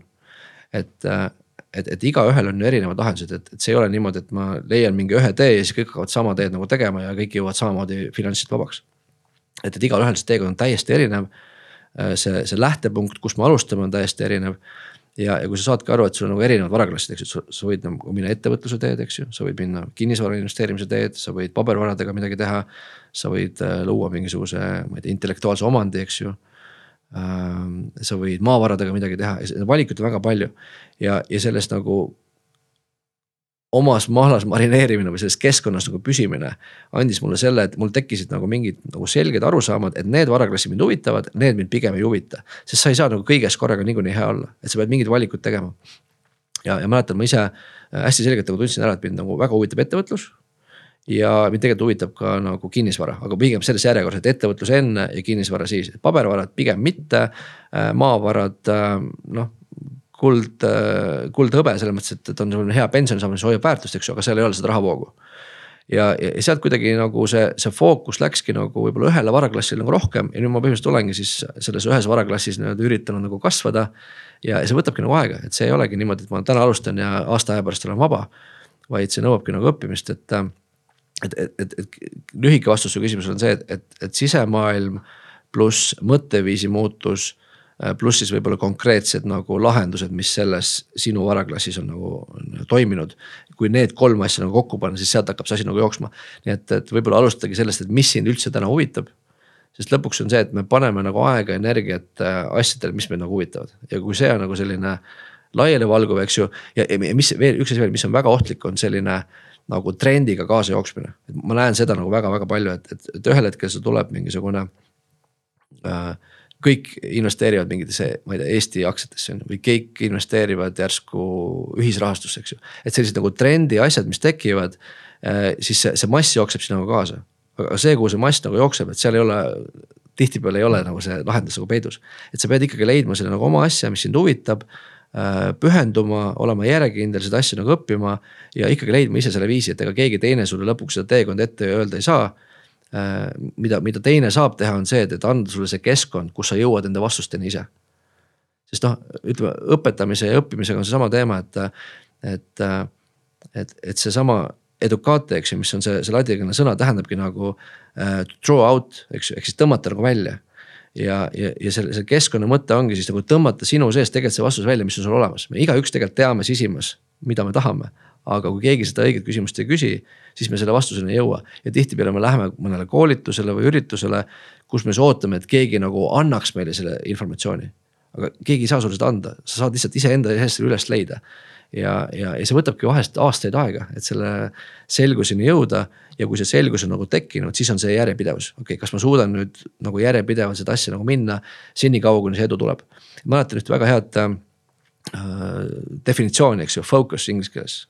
Kui sa võtad tähtede kaupa lahti, focus tähendab follow one course until successful. ehk siis järgi ühte teed, kuni sa saad edukaks. ja, ja võib-olla ongi see, et, et, et tihtipeale inimesed nagu proovivad nagu mitut teed korraga. ja siis on see fookus on nagu laiali ja, ja siis nad hästi kiiresti võtavad juba selle järgmise asja nagu asemele. et, et see ikkagi julgus nagu teha otsuseid ja siis püsida sellel rajal, mis ma olen nagu teinud ja võtta see vastutus. et mulle hästi meeldis ka see teie, teie podcast, eks ju, mõte, et see isikliku vastutuse võtmine, et see on kindlasti ka üks nagu Äh, põhiväärtusi, mis, äh, mis mul endal on ja mis on ka Starfishil, eks ju, et. et, et võta nagu sada protsenti vastutust kõige eest, mis elus toimub. et, et juhul, kui sa ei ole nagu kuskil nagu edu saavutanud, siis lihtsalt vaata peeglisse, et see on alati. sina oled alati see vastus, see ei ole kunagi majandus, see ei ole kunagi äh, teised inimesed süüdi, eks ju, sa oled kõige eest vastutav ise sada protsenti alati. et, et, et lihtsalt on vaja jätk-, siis seda jätkuvalt otsida ja, ja tihtipeale see ei olegi väga lihtne, eks mul, ma ei ole kindlasti nagu hea näide, eks mul läks, ma ei tea, ma olin kolmkümmend neli, kui ma hakkasin nende asjade peale üldse mõtlema eks ju, et ja see selgus võib-olla tekkis siis, kui ma olin kolmkümmend kuus on ju. et, et kui keegi äh, ma ei tea, on kakskümmend või kakskümmend kolm, eks ju, nagu sa tõid enne siin näite selle ürituse kohta, mis teil tuleb. See on nagu super, kui keegi on leidnud oma selle kutsumuse ja oma selle selge teema kahekümne kolmeselt ja tal on veel nagu kümned aastad aega nagu seda edasi arendada, siis kindlasti sealt tuleb nagu läbimurre. et äh, mõnedel kuidagi läheb lihtsamalt, mõnedel läheb nagu raskemalt. see on huvitav ja, sest et äh, olles täna ise saan järgmine kuu kakskümmend üheksa, aga ma ei tunne ennast äh, kahekümne üheksaselt või kolmekümneselt. sihuke tunne, ma olen pubekas ja, ja jälle viisteist, kuusteist, eks mingil määral see vastab tõele ka, sest ma pole võtnud vastutust äh, täielikult iseenda ees. Äh, ja enda elustiili juures, aga mis ma nagu näen, on see huvitav, et. üsna noorest east tegelikult tekib inimestel tunne, et persses, kõik on läbi mm. -hmm. nagu, et kakskümmend viis aastat on elatud, üks neljandik kogu võib-olla potentsiaalsest ideaalsest nagu ajatsüklis, kus me siin planeedil oleme, on läbi. ja meil tekib tunne, et kõik ongi pekkis, et ma olen maha maganud selle rongi, et nüüd on kõik. Aga, aga see tegelikult ei vasta tõele absoluutselt. absoluutselt, see minu arust kõige naljakam selline milstone on see kolmkümmend, eks ju. et kõik, no sa, sa oled täpselt seal piiri peal, eks ma mäletan, kui ma olin kakskümmend üheksa, ma mõtlesin, täitsa mul on juba kolmkümmend, ma peaks olema juba, ma ei tea, kuhu jõudnud, mida saavutanud, eks ju. aga, aga veel ei ole päris seal, et, et noh, hea uudis on see, et kui see kolmkümmend nagu mööda saab, siis äh, neljakümneselt või neljakümne viieselt sa mõtled, kui ma oleks ainult kolmkümmend praegu uuesti. et, et see tegelikult, see ei ole mitte mingi tähis, see lihtsalt kuidagi tundub, et võib-olla see, et me oleme kasvanud suureks, nüüd me oleme siis, ma ei tea. kümme aastat seal nagu täiskasvanud tegutsenud ja siis see kolmkümmend tundub kuidagi jube suur asi et tegelikult ei ole kunagi liiga hilja, et ma olen näinud siin meie enda koolist inimesi, kes on viiskümmend, kuuskümmend ja kes justkui alustavad algusest ja teevad neid muutusi, et. et lõpuks hakkab enda nagu mõtteviisist nagu pihta et, et jällegi vaata see, kas ma ütlen, et, et ma olen nagu hiljaks jäänud või kõik on alguses, on valiku koht. ja nüüd on see, et, et kumba nagu selle, selle mõtte ma oma peas nagu välja ütlen ja kummat ma uskuma hakkan. et noh, lõpuks on see, et me oleme ise enda kõige suuremad nagu vaenlased on ju, et seesama see, see äh, sisekõne, mis me iseendaga peame, lõpuks määrabki nagu selle edu. nüüd on küsimus see, kas see sisekõne on nagu positiivne või see on negatiivne. ja jube lihtne on sinna sellest negatiivsest spiraali nagu minna ja, ja sealt siis nagu öelda, et, et ma olen kuidagi ebaõnnestunud, eks ju et kui me mõtleme nagu hästi suurest pildist, siis me, me kõik oleme tegelikult täiuslikud. ja meil kõigil on tegelikult kõik vastused enda sees nagu olemas. et, et, et sedapidi meil ei ole ka vaja äh,, vaja võib-olla äh, otsida kellegi teise käest seda vastust, aga mida teised aitavad teha, võib-olla küsida õiged küsimused, ma enda seest üles leian. et mäletan, mul on äh, endal üks, äh, üks mentor, ma ise tegelen ka selliste nagu vaimsete teemade õppimisega ja mitte teaduse õppimisega ja seal äh,. Paul Sheely on üks äh,, üks USA-s äh, tuntud inimene, kes siis selle non-conscious poolega nagu tegeleb. ja siis ta ütles väga hästi, et, et kui me loeme mingit raamatut ja see raamat kõnetab meid, siis see ei tähenda seda, et me lugesime midagi uut, vaid me lugesime midagi, mida me juba tegelikult teadsime, aga keegi aitas meile seda meelde tuletada et, et, et see ongi nagu see, et, et meil on teisi vaja, meil on seda keskkonda vaja, aga lõpuks need vastused on kõik meie sees olemas. see on äh,, ei, see on huvitav jah, paneb lihtsalt mõtlema, et äh, mul tekkis see küsimus äh, enne, kui ma sind kuulasin seoses sellega, et äh, kui sa, et sa, sa võtad ette mingisuguse programmi, projekti, äh, mingisuguse eesmärgi ja nüüd, kui sa oled selle otsuse endale teinud, siis sa jätkad seda nii kaua, kuni lõpuks asi siis äh, toob mingisuguse tulemuse. Äh, siinkohal on küsimus mul juurde, et ma ise näen sama asja, et ma olen ka nagu pigem seda meelt inimene, aga samas viimaste aastate jooksul ma olen hakanud tungivalt aru saama sellest, et. et nagu vaimsest sektsioonist korra lähtudes, siis mulle tundub, et elus on vahel niimoodi, et mingid asjad ei ole sulle mõeldud mm. -hmm. aga võib-olla siis on jälle see, et ma võtan mingisuguse ohvri rolli, et et umbes, et ma nüüd ei peaks tegelema jumala eest rahateemadega, et äkki see pole minu teema, et äkki see ei ole minu valdkond aga vahel lihtsalt tundub, et sa teed mingit asja. et kui ma hakkaks sinuga täna siin jalgpalli koos mängima Real Madridi tasemel, siis me ei saaks sinust mitte kumbki Ronaldo enam elu sees. aga samal ajal kuskile jõuaks, eks ole, on ju, aga kui me leiaksime see õige tee, noh täna võib-olla sul on Starfish, täna võib-olla mul on siin podcast Ausad mehed, ma ei tea, mis sellest veel tulemas on. et võib-olla see on see tee, mis siis lõpuks nagu plahvatab ja toob võib-olla mingeid muid asju juurde ka, aga kuidas nagu ära tunda seda ja kas see üldse vastab tõele, et on olemas minu tee ja mitte minu tee või nagu, et või see pigem on ikkagi see, et ma nüüd otsustan ja ma lähen, lähen ja teen. jah, no nagu sa ütlesid, eks, raha, noh, ütleme raha teema on tegelikult kõigi teema, eks ju. et, et sa ei saa öelda, et ütleme, me kõik puutume igapäevaselt nagu rahaga kokku, me saame siis kas seda palga näol või ettevõtlustulu näol. ja me pidevalt puutume kokku, küsimus see, kas me nagu oskame sellega nagu hästi läbi käia või mitte.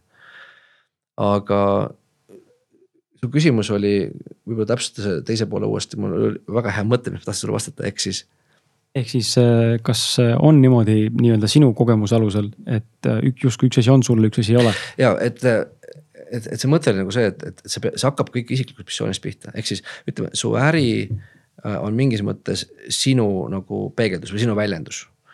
ja, ja ma arvan, et esimene samm, millest alustada on see, et saada aru, mis su isiklik missioon on et seesama näide, kui ma kaks tuhat üheksa selle coaching'u programmi nagu läbi tegin ja mult küsiti seda, et okei okay,, mis su isiklik missioon on siis ma mäletan seda, ma kirjutasin endale paberile, et äh, mu isiklik missioon on inspireerida teisi inimesi elama tähendusrikkamat elu.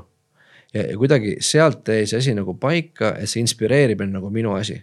ja nüüd mingis mõttes kõik need, need ärid ja tegevused, mida ma täna teen, on kõik sellised, mis aitavad inimeste elusid paremaks muuta. et see kuidagi nagu kitsendab neid, neid valikuid. nüüd see ei tähenda seda, et, et kui ma nüüd nagu, ma ei tea ühe asja või ühe ettevõtte võtan ja ma peaksin seda nagu ühte asja lõpuni tegema, aga need, see, need, see raamistik on nagu paigas, eks ju, see. Äh, ma ei tea, kiirtee nagu need tõkkepiirded on nagu paigas, eks ju, ma tean seda, et kui ta aitab inimeste elusid paremaks muuta. kui mul on võimalik inimesi inspireerida, siis see on minu, minu teema. nüüd see väljund võib muutuda, eks ju, see võib olla Starfish, see võib olla äh, ma ei tea, BNI, mingisugune muu asi, eks ju. aga ta püsib isiklusplaanis nagu nendes raamides, et, et, et selles osas selguse saamine äh, võib-olla annabki just siis selle nii-öelda võimaluse leida see nagu oma tee ja, ja, ja lõpuks on see, et see tee võibki nagu muutuda, et me, me teeme neid vigu pidevalt, eks ju. ehk siis noh, ütleme lendamine on hea näide, eks ju, et kui, kui lennuk lendab äh, punktist A punkti B, siis see piloot põhimõtteliselt üheksakümmend protsenti ajast korrigeerib seda suunda. mis tähendab seda, et sa teed kogu aeg vigu, sa kogu aeg oled kursilt kõrval. aga siis, kui sul tekib see tunne, et täitsa lõpp, et ma olen kursilt kõrval, ma olen kuidagi nagu vähem väärtuslik või mul on midagi viga ja sa hakkad nagu seda mõtet nagu ketrama, siis sa tegelikult teed endale nagu karuteene, sa tegelikult tõmbad selle hoo nagu täitsa maha. et, et, et, et võib-olla mõned siuksed mõtteviisi asjad, et sa saadki aru, et okei okay,, esiteks viga tegemine on väga okei okay. et, et, et see vigade tegemine on ainus viis tegelikult nagu edu saavutada ja, ja need, kes on kaugemale jõudnud, lihtsalt on teinud rohkem vigu kiiremini. ehk siis tekib hoopis uus teema, et kuidas ma saan veel kiiremini vigu teha. ja, ja, ja see, et ma siin nii-öelda seda suunda muudan, noh, see on osa nagu protsessist. ja nüüd ongi see, et, et väga raske võib-olla ongi see, et leida, et kus see paralleel on, kus on see piir, kus ma olen nagu liiga kaua mingile valele asjale aega pühendanud, eks ju, ja kus on see koht, kus ma tegelikult peaksin siit hoopis edasi minema. et noh, see ongi niisugune isiklik nagu äratundmise asi igaühe jaoks, et ma ise pigem olen sellist intuitsiooni nagu järjest ütleme pidevalt oma elus nagu usaldanud, ta on kuidagi nagu töötanud mu kasuks päris hästi. ja, ja ja lõpuks on see, et, et noh, kui minu soov on täna aidata inimesi nagu rahast vabaks saada, inspireerida neid äh, oma elu võib-olla paremaks muutma, siis äh, isegi kui tekivad tulevikus mingid uued ärid, siis nad kindlasti nagu selles raamides, et see, ta on kuidagi hästi nagu paigas. Mis see kõige kiirem viis siis äh, nii-öelda vigade kogemuseks on, et äh, võtke SMS laen ja tegin nalja, tegelikult seda ei võta, aga, aga mis on need nagu näited, et kui me tahame tõesti äh, võtame nüüd selle, selle näite alusel, et mida rohkem vigu sa teed, mida kiiremini teed, seda parem on, siis eh, mis on need vead, mida tegelikult iga inimene võiks elus eh, sinu arvates läbi kogeda, kui üldse on siukseid asju öelda, mida võiks, loomulikult see on individuaalne noh, vaata ega sa neid vigu ei oska nagu ette nagu mõelda, et noh, ma toon lihtsalt enda näiteks, me täna on, kui me Starfishiga alustasime, siis äh,. me alustasime seda koos äh, Leedu partneriga, eks meil on põhimõtteliselt nagu analoogne organisatsioon nagu Leedus.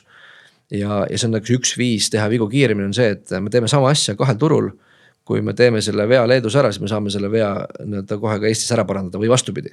et, et sul ongi nagu äh,, sa liigud siis kas siis kiiremini või suuremad need vead nagu tekiksid. aga ega see ei tähenda muidugi seda, et ma nüüd iga päev, ma ei tea, lähen kontorisse, mõtlen, et mis see järgmine suur viga, mis ma teha saan. see, et need tekivad niikuinii mm, -hmm. aga lihtsalt on see, et, et sa äh, ma ei tea, eesti keeles on putting yourself out there, eks ju, et sa paned ennast nagu nendesse olukordadesse ja kohtadesse. ja, ja sa ei karda nagu seda, okei okay,, kui ma nüüd selle asja teen, et siis äkki võib midagi ebaõnnestuda, et äh, ebaõnnestub, ebaõnnestub, siis järelikult muudame midagi noh, ettevõtjana kõige võib-olla raskem on alati see, kui ma ei tea, inimesed näiteks lahkuvad, on ju. et keegi nagu ma ei tea, ei sobi enam või, või, või soovib ise nagu lahkuda, siis sihuke tunne tekib, okei okay,, kas ma nüüd ebaõnnestusin või ma tegin midagi valesti. aga see on osa protsessist, et need inimesed, kellega sa alustad, ei ole need inimesed, kellega sa lõpetad. ja, ja see muutus toimub nagu kogu aeg ja seda ei tasu nagu liiga nagu traagiliselt nagu võtta. et, et see suund on ikkagi paigas, visioon on paigas, mida me tahame teha ja nüüd on lihtsalt küsimus see, et okei okay,, et, et meil on lihtsalt aega vaja, et sinna selle eesmärgini jõuda, nii et jah.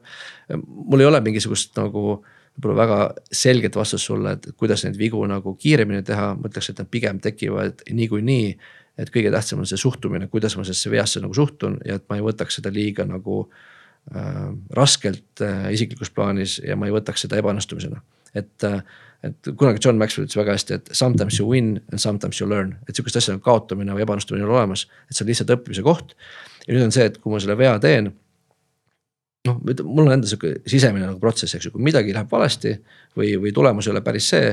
siis ma küsin enda käest äh, sihukesed küsimused, okei okay,, mis toimis, mis ei toiminud mida ma õppisin sellest ja mida ma seda järgmine kord teha teisiti. ja kui ma sedasama asja nagu küsin, siis tegelikult äh, ma saangi lihtsalt võtta need õppetunnid sealt veast ja üritada sedasama viga mitte korrata, võib-olla natuke teisel kujul.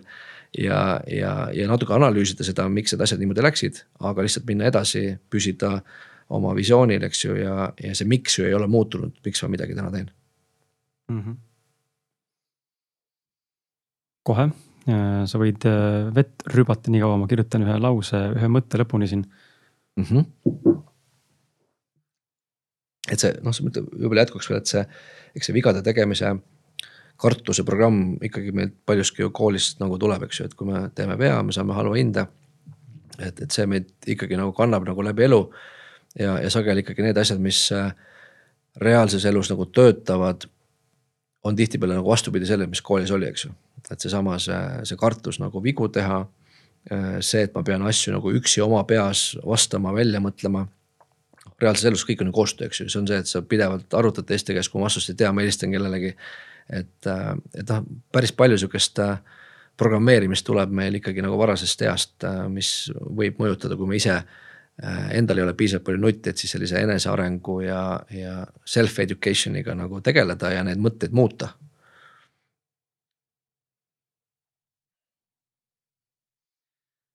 tahaks ikkagi nagu anda sihukest nagu praktilist nõu, et räägime siis, äh, mis võiks olla see esimene nagu noh, samm, et okei okay,, vaatame enda kulud üle, aga oletame, ma toon, ma toon siis nagu äh, enda tänase näite sulle.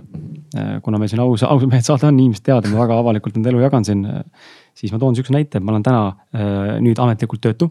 ma otsustasin teha niimoodi, et usaldada ennast ausad mehed projekti mm. -hmm.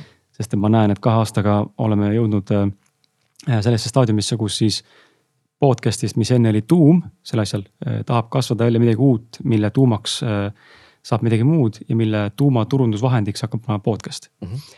natuke läheb sellega aega, ma arvan, et üks aasta-kaks ja siis ma võib-olla jõuan äh, sellesse hetke, kus ma näen, mida ma tegelikult tahan nagu teha, kõik see tausta praegu ehitub vaikselt, täna veel teenused väljapoole avalikult tulnud, aga juba on olemas mingid kontseptsioonid, mida saab proovida ja katsetada. ma elan, elan elukaaslase, elukaaslasega koos tema ema juures. laps sündis mingi paar aastat tagasi tegelikult poolteist. siis me jäime sinna, äh, tulime Euroopa reisilt, olid otsas mm. -hmm. ja tänaseks ma näen, et äh, ma hüppan korraga tagasi ka ja siis uuesti samasse punkti, et äh, kui ma reisil olin, siis see oli kaks aastat tagasi umbes. ma otsustasin, et sellest, see oli kaks tuhat üheksateist aasta, et kaks tuhat üheksateist aastast saab aasta, kus minu finants paraneb mm. -hmm. paranes päris tugevalt, ma sain endale normaal-, väga hea töö. ja, ja hakkasin investeerima ja sain isegi, isegi mingisuguseid nagu kauplemise tulemusel sain ka nagu lisaraha, eks ole, ja muud mingid projektid olid juurde, panin ettevõtte käima vaikselt ja. aga täna on platoo. ja nüüd ma olengi sellises seisus, kus ma tunnen, et äh, peaks nagu tööle minema vist. tegelikult nagu tegelikult reaalses vaates peaks nagu minema mm. -hmm. aga samal ajal süda ütleb mulle, et ei, ma pean upu või ujuma praegu, sa pead nagu tegelema sellega. ja ma tegelikult usaldan seda protsessi, aga mingi hirm hakkab tekkima, et äkki mul ei ole piisavalt raha, et ma ei tea, maksta seal äh, toidu eest või, või lapsele võimaldada asju või naisele endale või. ja kuna meil on nii, noh, kuna ma ise olen nii minimalistlik inimene, ma ei käi kuskil, ma ei osta midagi endale eriti mm, -hmm. ma ei raiska raha eriti kuskil. ma ei ole ka koonler, aga ma ei vaja midagi eriti väga paljusid asju. just nagu emotsiooni pealt, siis ma, emotsionaalse poole pealt, siis ma näen lihtsalt seda, et mul see sissetulekuallika soov on tegelikult üsna väike, aga võib-olla mm siin on ka see, et mul tegelikult on väga väike mõtlemine selle koha pealt nojah, nagu sa ütlesid, et sa noh, sa lõpuks saad seda, mida sa tahad, eks ju, ma, ma võib-olla muudaks juba seda mõtet, et, et ma tahan vähe sissetulekuid saada mm. -hmm. et pigem ikkagi mõelda nagu suuremas, kui sa ütled, et ma tahan vähe sissetulekuid või ma tahan minimaalset sissetulekut, siis saad ka need minimaalsed sissetulekud. et, et noh, et, selleks, et nagu selles olukorras nagu edasi liikuda, noh, ma arvan, selline rahapuhvri nagu tekitamine või kuskilt nagu mingi mõte, kus see nagu tekib, et ma vähemalt elaksin nagu ära, et. ehk siis esimene samm, mis ma teeksin alati on see, et, et teha ära nagu tänases seisus isiklik finantsaruanne. panna lihtsalt puhtalt numbrid kirja, kas mul on täna, mis on mu kulud, mis on mu tulud, mis on mu varad, mis on mu kohustused. ja, ja, ja mõelda siis nagu läbi, et okei okay,, kas ma saan siis kuidagi neid äh, kulusid vähendada, aga lihtsam viis on alati tulusid suurendada, et noh, muidu kuludega saad alati minna kuskile maale, aga kuskilt maalt läheb see ebamõistlikuks et, et, et, et mis on see nagu rahapuhver, mis ma saan täna nagu tekitada, sest see võtab nagu selle hirmu nagu maha, eks ju, kui mul on täna, ma ei tea, rahapuhver on üks kuu. sissetulekut ei ole, noh, see on ikkagi väga sihukene olukord, kus sa, kus see nagu rahamure hakkab sind juba nagu tervet mõistust nagu häirima noh, sa ei saa oma asju teha, sa pidevalt kuklast nagu taob, sa mõtled, et okei okay,, kuidas ma selle järgmise kuu nagu arve ära maksan et, et kuidagi nagu seda rahapuhvrit nagu tekitada. ja no sa ütlesid, sa oled minima-, minimalistlik inimene, et võib-olla noh, sul ongi veel on ikkagi mingeid asju, mida on võimalik realiseerida, on ju kuidagi seda rahapuhvrit nagu saada või siis äh, ma ei tea, on sul mingisugune perekond, kes iganes saab sind nagu aidata natukene aega. senikaua, kuni sa oma äri ja ettevõtluse saad siis nagu piisavalt nagu suureks. et eks see väljakutse on, et kui ma, kui sa äriga nagu alustad, ega sul ju neid tulusid kohe nagu ei teki ja, ja tihtipeale oma ettevõtlusega on ikkagi see, et sul läheb seal aastaid võib-olla aega on ju, et, et see, see äri nagu tekiks. et kuskilt mingi sissetulek peab, peab olema, eriti kui sul on veel, ma ei tea, perekond või, või, või lapsed, eks et siis siis äh, mingit puhvrit on vaja, et see on vaja kuidagi nagu ära lahendada, mis see puhver nagu on. ehk siis minu näide samamoodi, mul ei olnud äh,, mul ei olnud piisavalt palju varusid, aga ma tekitasin selle varu no,. Õnneks mul oli tollel hetkel see korter on ju, ma sain müüa maha, ma saingi kaheteist kuu nagu puhvri. et ma arvan, see kaheteist kuu puhver on selline äh, Äh, minimaalne asi, mille poole kõik peaksid püüdlema senikaua, kuni seda veel ei ole. et kui on üks kuu, kaks kuu või kolm kuud, et siis ta on ikkagi selline väga nagu õrnadel jalgadel. et äh, noh, jah, et eks ta on, eks ta on selline riskantne nagu situatsioon, kus sa täna nagu oled, et ma kujutan täpselt situatsiooni ette, kus sa oled, et, et sa nagu ühtepidi äh, selline sisimas kõik ütleb, et ma peaksin tegema seda, mis ma praegu teen.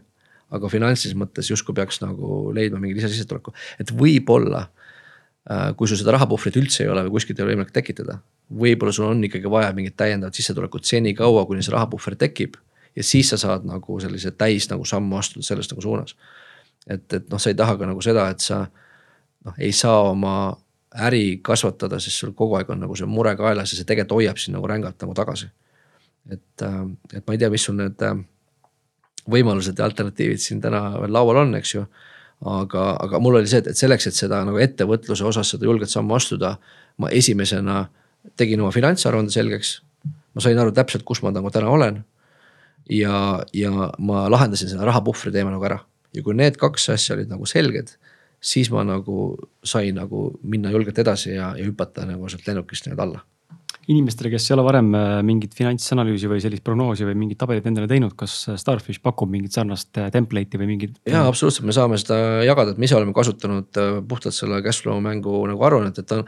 ta, ta on küll selline väga lihtsustatud variant, raamatupidajad võib-olla nagu ei naeravad naeravad selle peale, eks ju, aga see on täiesti okei okay,, seepärast et lihtsa inimesena see on sinu jaoks täiesti piisav ja ütleme, enamus inimeste jaoks ka see lihtsustatud versioon on juba liiga keeruline, nii et et, et ma saan sulle siia selle lingina saata juurde, kellel ei ole ja, kellel on cashflow mänguleht olemas, võite vabalt seda kasutada mm. -hmm. räägime sellest mindset'i poolest, et äh, nimeta mõned olulisemad äh, võtmetegurid või sellised väärtused või, või omadused ja komponendid. mida sinu arvates üks inimene võiks, me ei saa öelda, mitte peaks, aga võiks siis omada olenemata valdkonnas, kus ta tegutseb, et saavutada siis edu ja midagi korda saata kas see sihuke üks, kaks, kolm äkki, mis sulle kohe pähe kaardab niimoodi? mul hüppab kohe kaks asja pihta, millest ma tegelikult natuke räägin ka täna, üks on otsustusvõime. ja teine on järjekindlus, et äh, ütleme niimoodi, et äh, halb otsus on parem kui mitte otsustamine.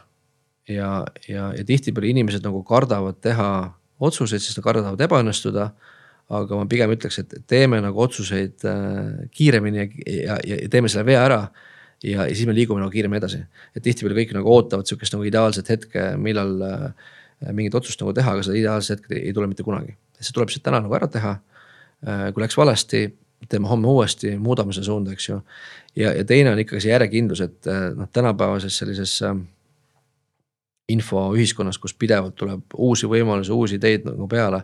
et, et seal nagu püsida nagu rajal ja, ja mitte lasta siis äh, sellistel kõrvalistel säravad, inglise keeles sihuke väljend nagu äh, shiny objects syndrome. Ehk siis nagu säravate objektide sündroom, eks ju, pidevalt tulevad mingid uued võimalused, eks ju. tulevad mingid uued trendid, vaatavad, et täitsa lõpp, kõik inimesed tegelevad sellega, ma olen täiesti rongist maha jäänud, eks ju, kõik investeerivad nende startup idesse, ühisrahastusse, ma pole mitte midagi teinud.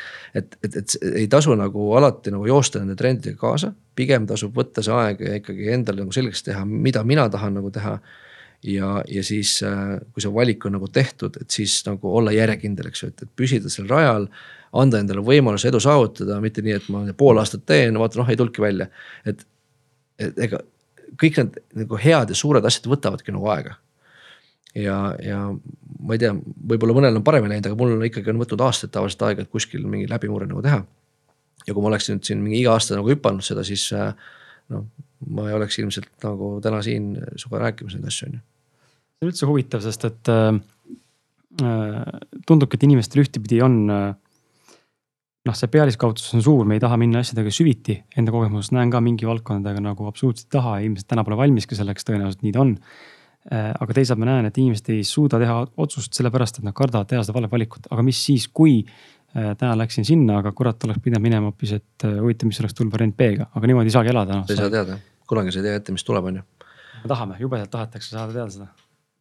Jah, aga see on jällegi vaata selline mõtteviisi küsimus, et kui ma nagu teadvustan seda, et mitte otsustamine nii-öelda ei teeninda, ei teeninda mind. siis, siis ma tegelikult üritan selle otsuse igal juhul nagu ära teha täna.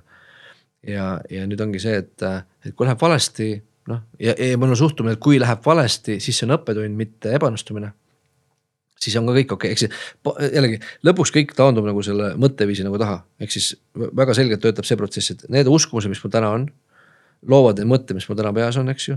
Need mõtted loovad äh, need emotsioonid, kuidas ma tunnen neid asju ja emotsioonidest tuleb siis see käitumine, käitumisest tuleb tulemus. et kui ma ei ole selle lõpptulemusega rahul, ma pean minema algusesse tagasi, ma pean minema uskumuste ja mõtteviisi juurde nagu tagasi. ja seal selle muutuse ka ära tegema, sest muidu on see, et, et ma pidevalt üritan seda nagu uut tulemust nagu saada, aga sealt alguse otsast on nagu mingi mindset'i asi nagu valesti.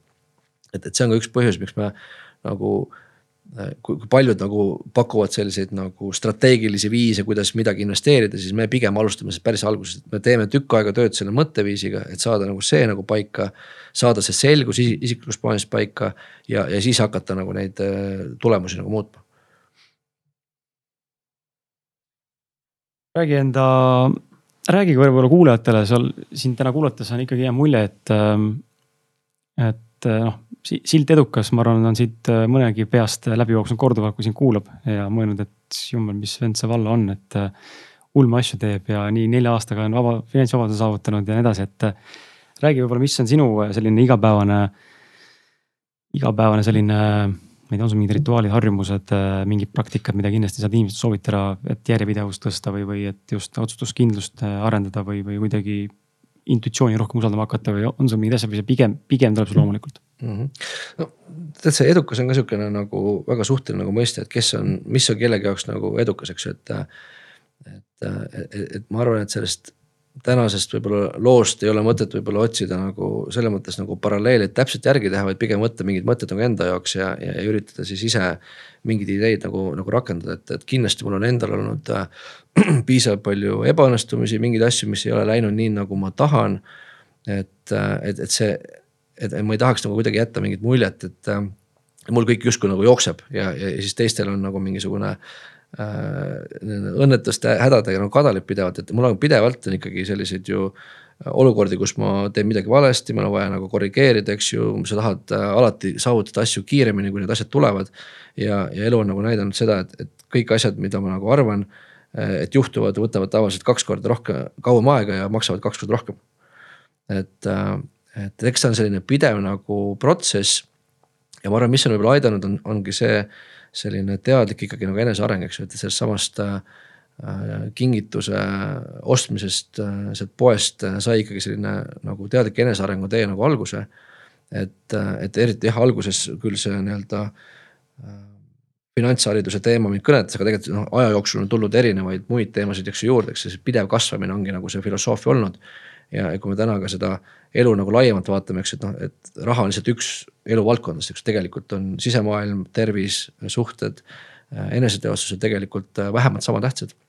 et raha mingis mõttes lihtsalt on selline, selline vahend, mis aitab meile selle nii-öelda aja tagasi võita et, et, et ma tegelikult no üks teema näiteks, mis ma täna nagu teen ja mis mind väga kõnetab, on see sisemaailma teema, eks ju. Et äh, ma mäletan, ma nagu aastaid mõtlesin selle peale, et, et okei okay,, et, et võiks nagu, ma ei tea, tegeleda joogaga, eks ju, teha meditatsiooni, aga ma sinna kunagi nagu ei jõudnud. ja, ja oligi see, et ma lihtsalt olin nii hõivatud tööl käimisega ja, ja, ja selle raha teema võib-olla olulisem on just nagu see, et kui sa lahendad selle raha teema ära, siis sa tegelikult äh, võidad aja oma ellu tagasi ehk siis see, ma ei tea, nelikümmend või nelikümmend viis tundi, mis ma nagu kuskile tööl nagu ära panin. ma saan selle enda kontrolli alla tagasi ja ma saan hakata seda neljakümmet viite tundi kulutama nii, nagu mina tahan. ja siis ma otsustan, okei okay,, sealt ma võtan mingisugune mõned tunnid sisemaailma peale. ma hakkan oma tervisega teadlikumalt tegelema, ma panen oma suhetesse rohkem nagu fookust. et, et seetõttu ta on selline nagu oluline teema, mis nagu kõiki nagu puudutab ja senikaua, kuni see on justkui probleem ja ma jooksen sellest nagu orava rattas, siis ma tegelikult ohverdan kogu aeg kõiki teisi eluvaldkondi nagu ka et äh,. täpsusta nüüd oma küsimust ma läksin juba oma, omale rajale siit. Äh, ma hüppan äh, siit äh, korra üldse kõrvale, et rääkides rahatarkusest, sa oled siin täna seda maininud, seda sõna päris palju ja tegelikult seda sõna rahatarkus ja rahaline intelligentsus ja, ja rahaline IQ ja mis iganes veel muud otsa veel. seda käib läbi tegelikult päris palju rahamaailmas, ettevõtlusmaailmas ja üldse tegelikult mingil määral liiderlikku või liiderlikkuse nii-öelda maailmapildis, et ma vaatan praegu sinu kodulehel olevaid äh, Starfishi nii-öelda akadeemia koolitusi. ja mul jäi silma siia kohe see, et äh, kogu tõde rikkusest, mida sulle koolis ei õpetatud, et äh, miks meile koolis ei õpetata neid asju, mida tegelikult vaja on äh,. me ei saa nüüd süüdistada siin õpetajaid ega haridussüsteemi, aga kuskilt on mingisugune puudujääk hakanud pihta. ja teisalt on siis see, mida sina näiteks, äh, too välja üks asi, mida sa õpetad, mis on see, mida meil ei ole õpetatud mm? -hmm kus see asi nagu alguse sai, jah, seda väga raske nagu võib-olla täpselt öelda, aga mis ma nagu olen, olen kuulnud mitmest allikast, on siis see, et tegelikult see haridussüsteem, mis on täna nii Eestis kui ka siin teistes riikides on tegelikult suuresti alguse saanud samast allikast, eks ju, et väga paljud head, head ja halvad asjad on Ameerika Ühendriikidest nagu pärit. et, et siin kahekümnenda sajandi alguses äh, kuskil selline tuhat üheksasada kümme, tuhat üheksasada viisteist äh, loodi siis USA-s nagu haridussüsteem äh, ja tollel hetkel oli see, eks ju, tööstusajastu, peame aru saama, et kust need asjad nagu alguse saanud, need oli tööstusajastu eesmärk oli vaja siis äh, nii-öelda luua selliseid tehasetöölisi. ja, ja sul oligi nagu soov siis äh, nii-öelda eelkõige sellist nagu keskklassi nagu tekitada. ja, ja seal on isegi äh, väga selgelt välja öeldud, et finantsharidus ei ole osa haridussüsteemist. ehk siis su eesmärk on tegelikult ongi luua selliseid nagu äh, nagu nii-öelda tehasetöölisi, eks ju. ja nüüd seesama haridussüsteem on mingis mõttes nagu levinud ja laienenud üle maailma. elu on väga palju muutunud, aga mingisugused alustalad on nagu paika jäänud ja, ja see on nagu üks põhjus ilmselt, miks finantsharidus seal sees nagu ei ole. ehk siis mingis mõttes see koolisüsteem ikkagi noh, teadlikult toodab täna nagu palgatöötajaid ja spetsialiste. noh, mis on ka selles mõttes riigi mõistes nagu hea, et, et sa ikkagi ju toodad endale nagu maksumaksjaid, eks ju, aga samal ajal ka riigi seisukohalt on oluline nagu luua ettevõtteid, sest ettevõtjad lõpuks need, kes loovad töökohad. et, et ma, ma arvan, et see võtab ikka väga pikalt aega, kui seal nagu koolisüsteemis nüüd see finantsharidus kuidagi nagu tugevamalt esile tuleb. mingisuguseid programme ja ideid on siin oldud, et seda rahatarkust sinna nagu sisse tuua. aga ta on ikkagi väga, väga väikses nagu osas, eks ju, ja, ja tihtipeale, kui me ka. ma ei tea, ülikoolides äh, rahateemadest keegi käib rääkimas, eks sageli need on need panga esindajad, eks ju, kes õpetavad raha. ja, ja nüüd on küsimus see, kas nad siis õpetavad seda, kuidas Äh, sa ise oma peaga otsuseid teeksid või nad pigem annavad sulle soovitusi, et, äh, et osta pigem neid nagu tooteid, mis neil on nagu pakkuda, eks ju. et äh, see, mida meie täna nagu õpetame ja mida koolis ei räägita, ongi suuresti ikkagi seesama mõtteviis, eks ju. pluss siis see, et kuidas siis saada aru, kus ma täna isiklikus plaanis olen, mis mu tänane finantsseis on, mis on see koht, kuhu ma tahan nagu minna, milline see tulevikupilt võiks nagu välja näha Äh, aidata siis koostada see rahalise vabadusena plaan. vahet ei ole, on see kolm aastat, viis aastat või kümme aastat. aga see plaan peaks nagu olemas olema, see peaks olema ka nagu reaalne tegevusplaan, et kus on siis lõppeesmärk, aga ka siis sellised äh, igakuised nagu väiksed sammud, mis ma teen, et sinna nagu jõuda et, et see võtab ju ikkagi äh, pikalt nagu aega, siis meil on täna siis äh, Starfishis sihukene siseringi grupp, äh, kes siis käib äh, kaks korda kuus koos. ja siis osalejad siis äh, iga kord kaks inimest äh, esitavad siis seda oma rahalise vabaduse plaani. ja, ja siis see, see, see seltskond on koos nagu selline nagu mastermind grupp, kes siis äh, on juba teatud nagu äh, rahalise intelligentsusega, kes oskab ka küsida neid valusaid küsimusi. ja kes siis aitab äh, võib-olla edasi liikuda ja, ja, ja võib-olla avastada mingeid kohti oma finantsaruandes, mida peaks nagu teisiti tegema et, äh, et, et võib-olla just see, et, et, et aidata ühtepidi õpetada, aga teistpidi aidata neid asju nagu ellu viia. et ma arvan, see elluviimise pool on just täna see meie peamine nagu tugevus ja, ja fookus, et. et noh, õppida võib igalt poolt, sa võid raamatut lugeda, eks ju, sa võid kus iganes koolitusel käia. ja me väga nagu pooldame seda, et, et inimesed, kes on meie keskkonnas, käivad ka teistel koolitustel ja enesearenguga laiemalt nagu tegelevad. aga et me saame oma keskkonnas siis need mõtted nagu jagada ja me eelkõige aitame neid asju nagu ellu viia, et see on võib-olla see, mida mida koolist äh, täna kuskilt ei saa. mida sellisesse või kuidas sellesse siseringi nii-öelda siis äh, kuuluda saab, on sul mingisugune kuu membership või on lihtsalt see soovituspõhine või on see mingisugune eliit, sihuke private värk, et ainult läbi kutsete saab või? Jah, selles mõttes meil on selline väike nagu kvalifitseerimise protsess nagu kokku pandud, et, et esimesed sammud on võib-olla see, et käia nagu läbi äh, sellised baaskoolitused, mis annavad sellise nagu üldise nagu äh, raha mindset'i, sa saad aru nendest põhisõnavarast, eks ju, et me räägime justkui nagu sama keelt. et ma ütleks, et see, see rahakeel on ikkagi nagu sama erinev kui see, et, et üks, ütleme, me oleme mõlemad eestlased, eks ju. aga üks räägib raha keelt, teine ei räägi, see on sama hea, kui üks räägib eesti keelt, teine räägib hiina keelt, et see on nagu väga-väga erinev. et mida me tahame, on see, et nende baaskoolitustega aidata nagu see rahakeele oskus siis nagu luua. ja nüüd nendega, kellel on see oskus loodud, me saame siis juba samas keeles nagu rääkida, et kui me nimetame, ma ei tea kapitali kasv, rahavoog, siis me saame kõik ühtemoodi aru, mis see nagu tähendab. ja siis selles seltskonnas nagu tekivadki need mõtted, et okei okay,, mida me võiksime koos teha, mis need tehinguid me võiksime teha. kuidas me saame üksteisele nagu kasulikud olla ja, ja siis me põhimõtteliselt äh, enne siis sinna siseringi tulemist me teeme ka sellise äh, intervjuu protsessi, et ikkagi on nagu olla kindel, et see inimene nagu sealmaal, et ta võiks sinna edasi tulla. et siin on tegelikult oodatud inimesed, kes siis äh, Äh, soovivad investeerida, nad on alustavad ettevõtjad või tegutsevad ettevõtjad. Nad peaksid, neil peaks olema väga selge see huvi juba olemas, et võib-olla keegi, kes äh, ei ole kunagi rahateemade peale mõelnud äh, ja on täiesti nagu alguses, et võib-olla see ei ole päris nagu nende jaoks. aga just need, kes juba nagu täna tegutsevad või väga selgelt siis sellise investeerimise ja ettevõtluse suunas nagu liiguvad, et siis seal me koos. ütleme siis nii, et mängime seda cash flow mängu päriselus. seal ei pea olema mingit kriteeriumit, et ettevõtluse käive peab olema mingi X summa või, või alates X summast või? jah, seda, seda käibesummat ei ole, aga, aga, aga üks äh, kriteerium on küll see, et ta peaks olema oma juriidiline keha. ehk siis, äh, kui sa sinna tuled, et sa võiks olla sealmaal, et vähemalt oma osaühing võiks olla mm. -hmm. et ka see, kui suureks ta on juba kasvanud, see las ta nagu jääb, aga selline väike kriteerium ikkagi.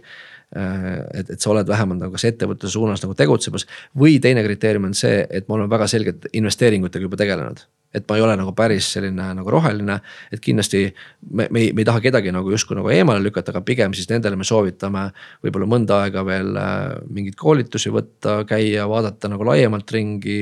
teha oma esimesed nagu katsed ja proovid ära, proovida investeerimist ja siis, kui juba äh, sellega regulaarselt tegeleda, et siis kindlasti kõik on nagu teretulnud. kas sa, ma ei ole nüüd äh, põhjalikult läbi vaadanud kõiki neid koolitusi, mis äh, kodulehel olemas on, aga mulle kuskilt jäi mulje, et äh, need on äh, tava, ütleme tavainimese jaoks või keskmise eestlase jaoks on ikkagi pigem sinna kallimasse kategooriasse jah, ma ei oska öelda, mis kellegi jaoks kallim või odavam on, et ütleme, üks põhiline, kõige lihtsam viis täna meie koolitusel osaleda on see, et me tegime siin just äh, siin tervisekriisi ajal äh, sellest meie põhikoolitusest tegime online kursuse. mille nimi on Rikaste mõtteviisi vabastav tõde Äh, ma nüüd peast jään vastuse võlgu, aga see suurusjärk on seal kuskil kakssada äkki nelikümmend viis eurot pluss käibemaks või midagi nagu sellist.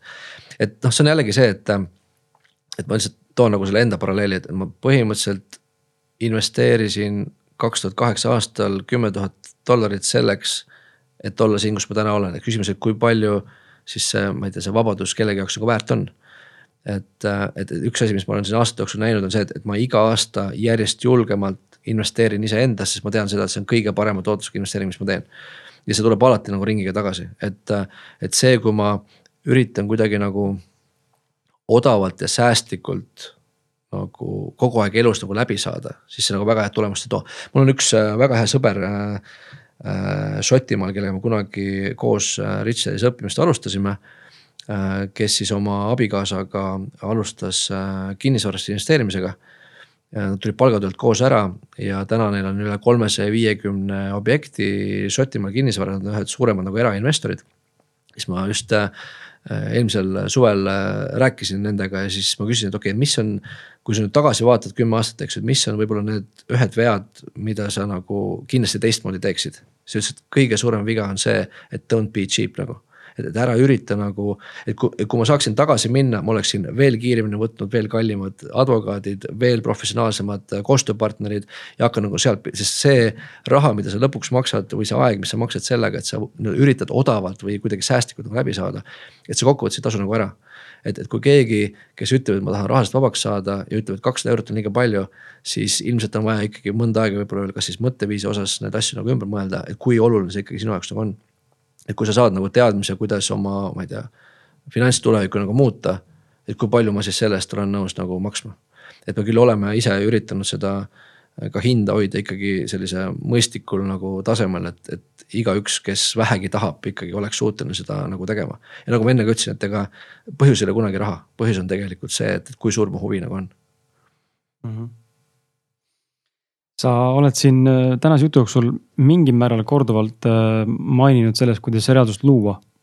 ja just läbi nagu selles mõttes, sul on soov, sul on unistus, sul on taotlus, sul on otsus. ja üldse visualiseerimisest ja unistamisest ja manifesteerimisest on tegelikult äh, räägitud siin juba noh, aastakümneid läbi erinevate nii-öelda siis filtrite või nii-öelda prismade.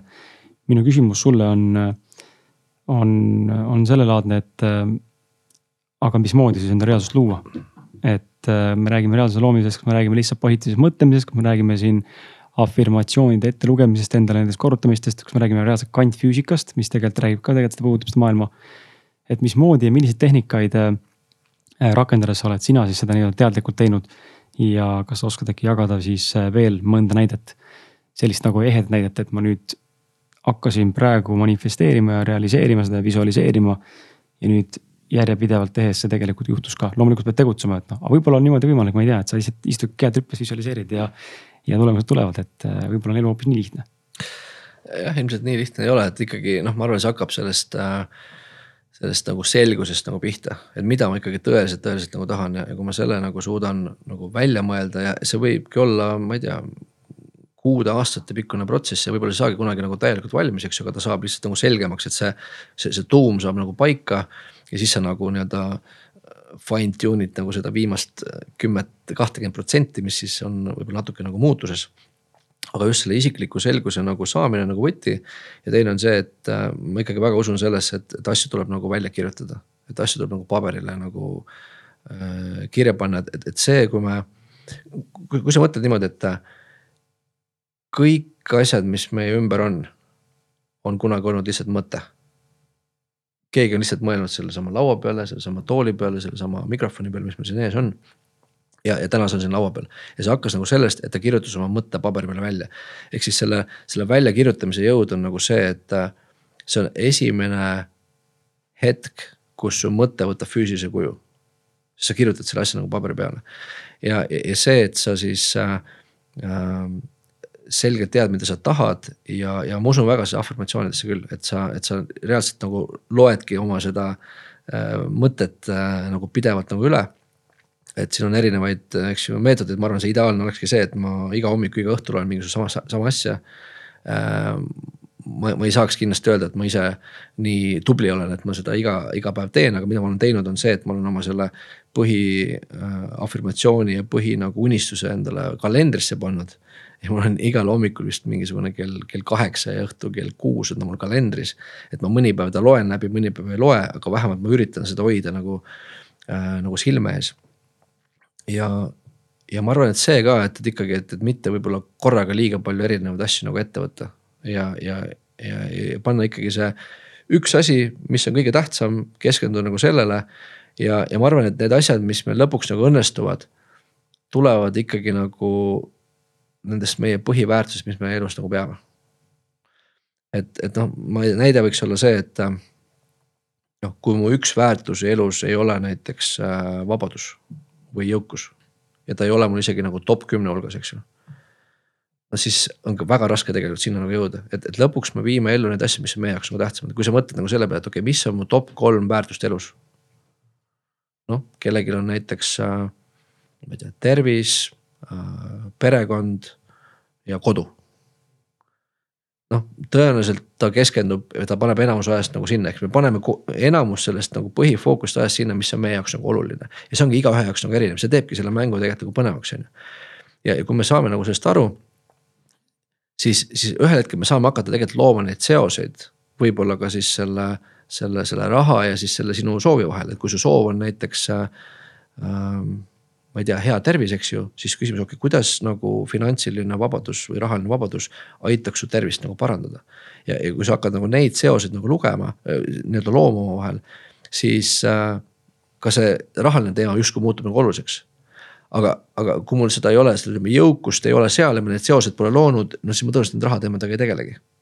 et, et ma arvan, et, et mul endal ikkagi selline kuskilt selline vabaduse nagu äh, soov on kuidagi hästi sügavalt nagu sees olnud ja see on mind nagu drive inud, et.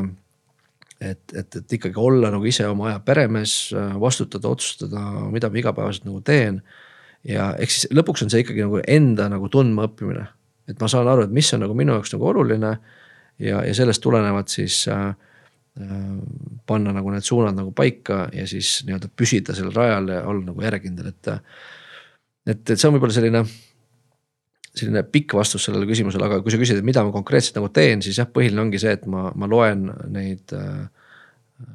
seda, põhivisiooni, mis ma enda jaoks olen pannud äh, nii-öelda aeg-ajalt loen üle, kuna see on mul seal kalendris nagu kirjas. ja, ja, ja tänu siis sellele koolitusele, mis me teeme ja kuna me palume osalejatel tegelikult oma unistust nii-öelda kirja panna. meil on üks osa koolitusest, kus me siis palume inimestel seda oma tulevikupilti nagu hakata joonistama ja välja kirjutama siis ma tavaliselt nagu selle käigus ise ka mõtlen jälle seda uuesti üle ja üle, et, et see. et see keskkond tuletab ka endale nagu meelde, et mul on vaja seda pilti pidevalt nagu, nagu selgemaks saada. Äh, viimase küsimusena äh, ma lasen sul äh, anda nõu just nagu noortele, et me natuke rääkisime sellest ka siin, aga võtame kahekümnendad eluaastad, et alates sellest hetkest, kui sa oled seal võib-olla gümnaasiumi Äh, lõpu, lõpuaastatel ja, ja, ja siis kuni, ma ei tea, kakskümmend viis, kakskümmend seitse, kakskümmend kaheksa. et äh, kui ta otsib rahalist vabadust ja, ja otsib äh, valikuvabadust, mida raha nii-öelda siis võimaldab. kuidas, kuidas sinna jõuda ja mis oleks need sammud, mida ta tegelikult peaks juba täna hakkama astuma või millele mõtlema? jah, see selgus on esimene mõte, mis kohe tuleb, et, et ma ma arvan, igaüks, kes on leidnud oma mingi kutsumuse või vähegi mingisuguse huviala, mis teda nagu kõnetab, et need on väga õnnelikud inimesed. et, et väga paljudel läheb nagu aastaid aega, et jõuda selleni, mis talle tegelikult nagu meeldib. ma mäletan, meil oli äh, keskkooli äh, kaheteistkümnenda klassi lõputunnis äh,. pidime kirjutama iseendale kirja.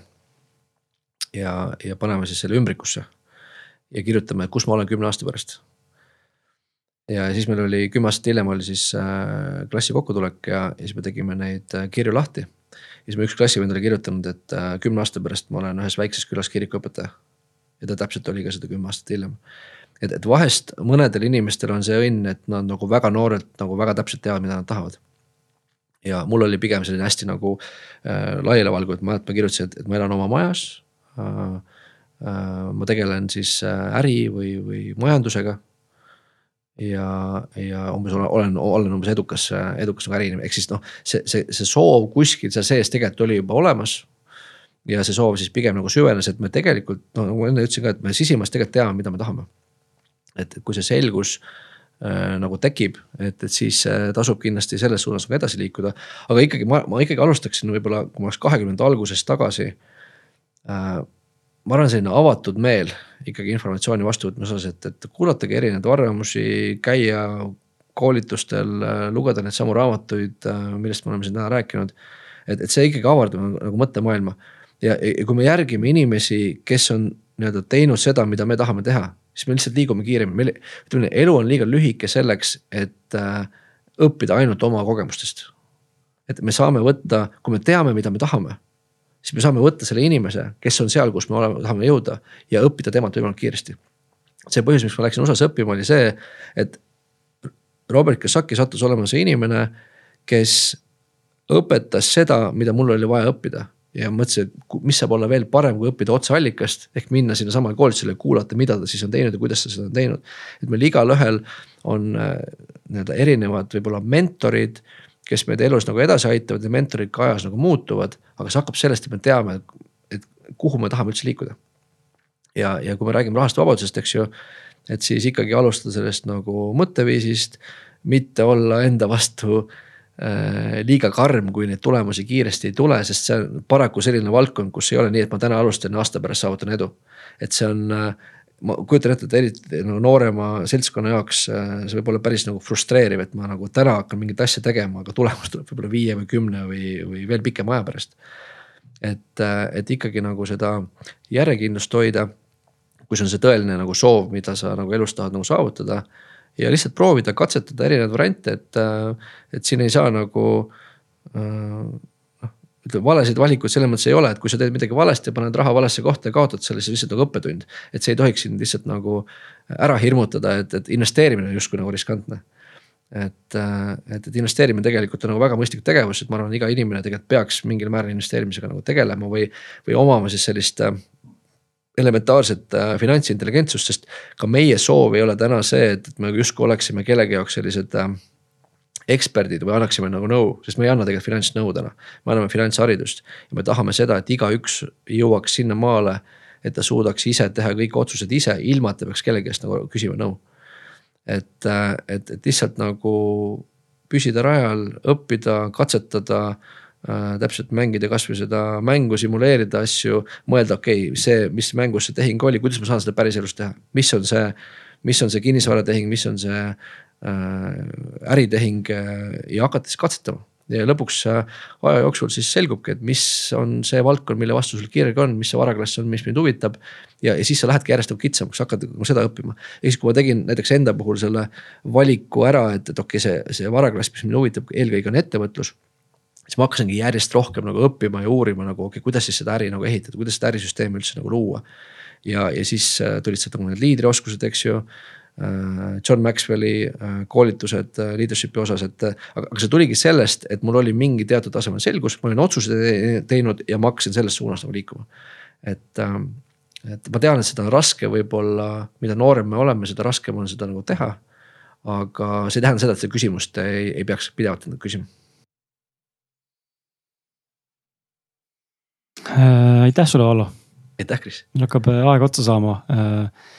Üritame olla punktuaalsed ja austada teiste inimeste aega ka, aga väga äge, ma tegelikult äh, kuidagi tunnen, et äh, kuidagi täiega tunnen, et ma pean endale selle asja kätte võtma ja ennast äh, hakkama liigutama õiges suunas ja ma näen, et ma olen kuidagi sattunud sellisesse mugavustsooni ja mingil määral ka äh, võib-olla sellisesse ma ei tea, natuke nagu loobunud äh, seisundisse, mitte et ma ei usu nagu rahasse või sellesse, et ma raha peaks saama, aga just see, et kuidagi mul on tungivalt olnud äh, noh, täna teist saatejuhti siin ei ole, mul enne oli siin Martin, kellest kahjuks on lahkunud podcast'ist, aga temaga oleme rääkinud pikalt sellest. Äh, kuidas me ise näeme ennast enese nagu kõrvalt vaadates, et me oleme valinud väga selgelt viimase kümme pluss aasta jooksul selle vaimsema tee mm. -hmm. ja mitte selle nii-öelda siis finants või nagu numbrite või nagu raha tee ja me näeme teisi inimesi, kes noh, sina või näiteks, kes mind tuttavad ümberringi on kes on valinud selle väga konkreetselt rahatee ja nüüd jõuavad siis sinna vaimse tee peale.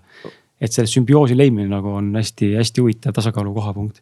Ja ma tahaks nagu öelda, et, et see, äh, need justkui tunduvad nagu vasta, nagu vastakad maailmad, eks ju, aga tegelikult nad ei ole ehk siis mul kunagi oli üks äh, vaimne õpetaja, kes ütles seda, et, et tihtipeale inimesed valivad kas sellise materiaalse tee või valivad nagu vaimse tee ja nad väga nagu usuvad selles, et see on nagu õige tee, aga see, kui ma tahan inimesena jõuda nagu järgmisele levelile.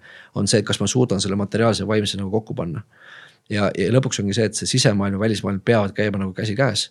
ja, ja, ja sageli just selle nagu raha ja majanduse ja ettevõtluse teemadega justkui tundubki, et need inimesed nagu vaimsetest asjadest nagu päris kaugel ja siis vaimsed inimesed ütlevad seda, et noh, raha ja see ei ole üldse nagu oluline elus.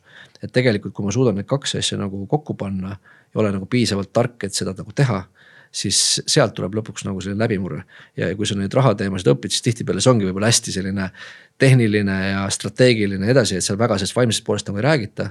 aga meie või võib-olla just soov ongi nagu teadvustada seda, et need kaks maailma peavad käima käsikäes. ja, ja sealt tuleb lõpuks nagu see edu. Enne kui me purki asja paneme, siis äh, mul on sulle paar kingitust ka. ohoh, aitäh suurepärane. see on kõige põnev osa alati, et äh, näha inimesi nii-öelda siis äh, äh jalust rabatuna nii-öelda, et äh, neli asja on sulle kaasa võetud täna siin. et äh, esmalt on sulle anda minu enda raamat, mõistmas, kes ma olen. kirjutasin selle Austraalias ja, ja tuli välja umbes paar aastat tagasi. tiraaž hakkab vaikselt otsa saama ja, ja loodan, et ta on äkki huvitav, et see on sihuke minu pool raamatut on minu vaimne areng kümne aasta jooksul ja siis pool raamatut on Austraalia seikluse läbi sellise filosofeeriva prisma, et kuidas ma seal naba kaotasin ja. ja, ja nagu na, reaalselt naba kaotasin, mul lükati naba ära, käisin operatsioonil Austraalias ja wow. ja kuidas me seal vaesed olime ja põhimõtteliselt oleks peaaegu nälga surnud ja siis lõpuks läks hästi, et okay, sihuke väike rännak. ja, ja siis on mul meie koostööpartner Million Mindset kirjastus, äh, kes teevad väga head asja.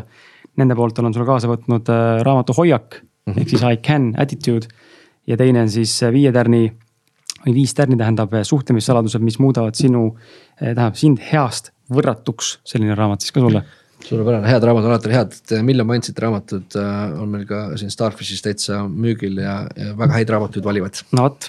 Ja, ja siis viimase kingitusena saad sa veel ka Dispaq OÜ poolt, see on meil siis riidest recycled ostukott, ausad mehed logoga, nii et saad shoppama minna väga kihvt, mulle hästi-hästi meeldib see, mis te, mis te teete ja see, et te ikkagi sellise teadlikkuse ja enesearengu ja isikliku vastutusele nagu rõhutate, ma arvan, see teeb nagu suure head ja paljudele inimestele, nii et äh, ma soovin teile edu ja loodan, et kuulajate arv aina kasvab ja kasvab. ja, ja enne kui purki paneme, siis kus me leiame sind, sotsiaalmeediad või asjad, räägi.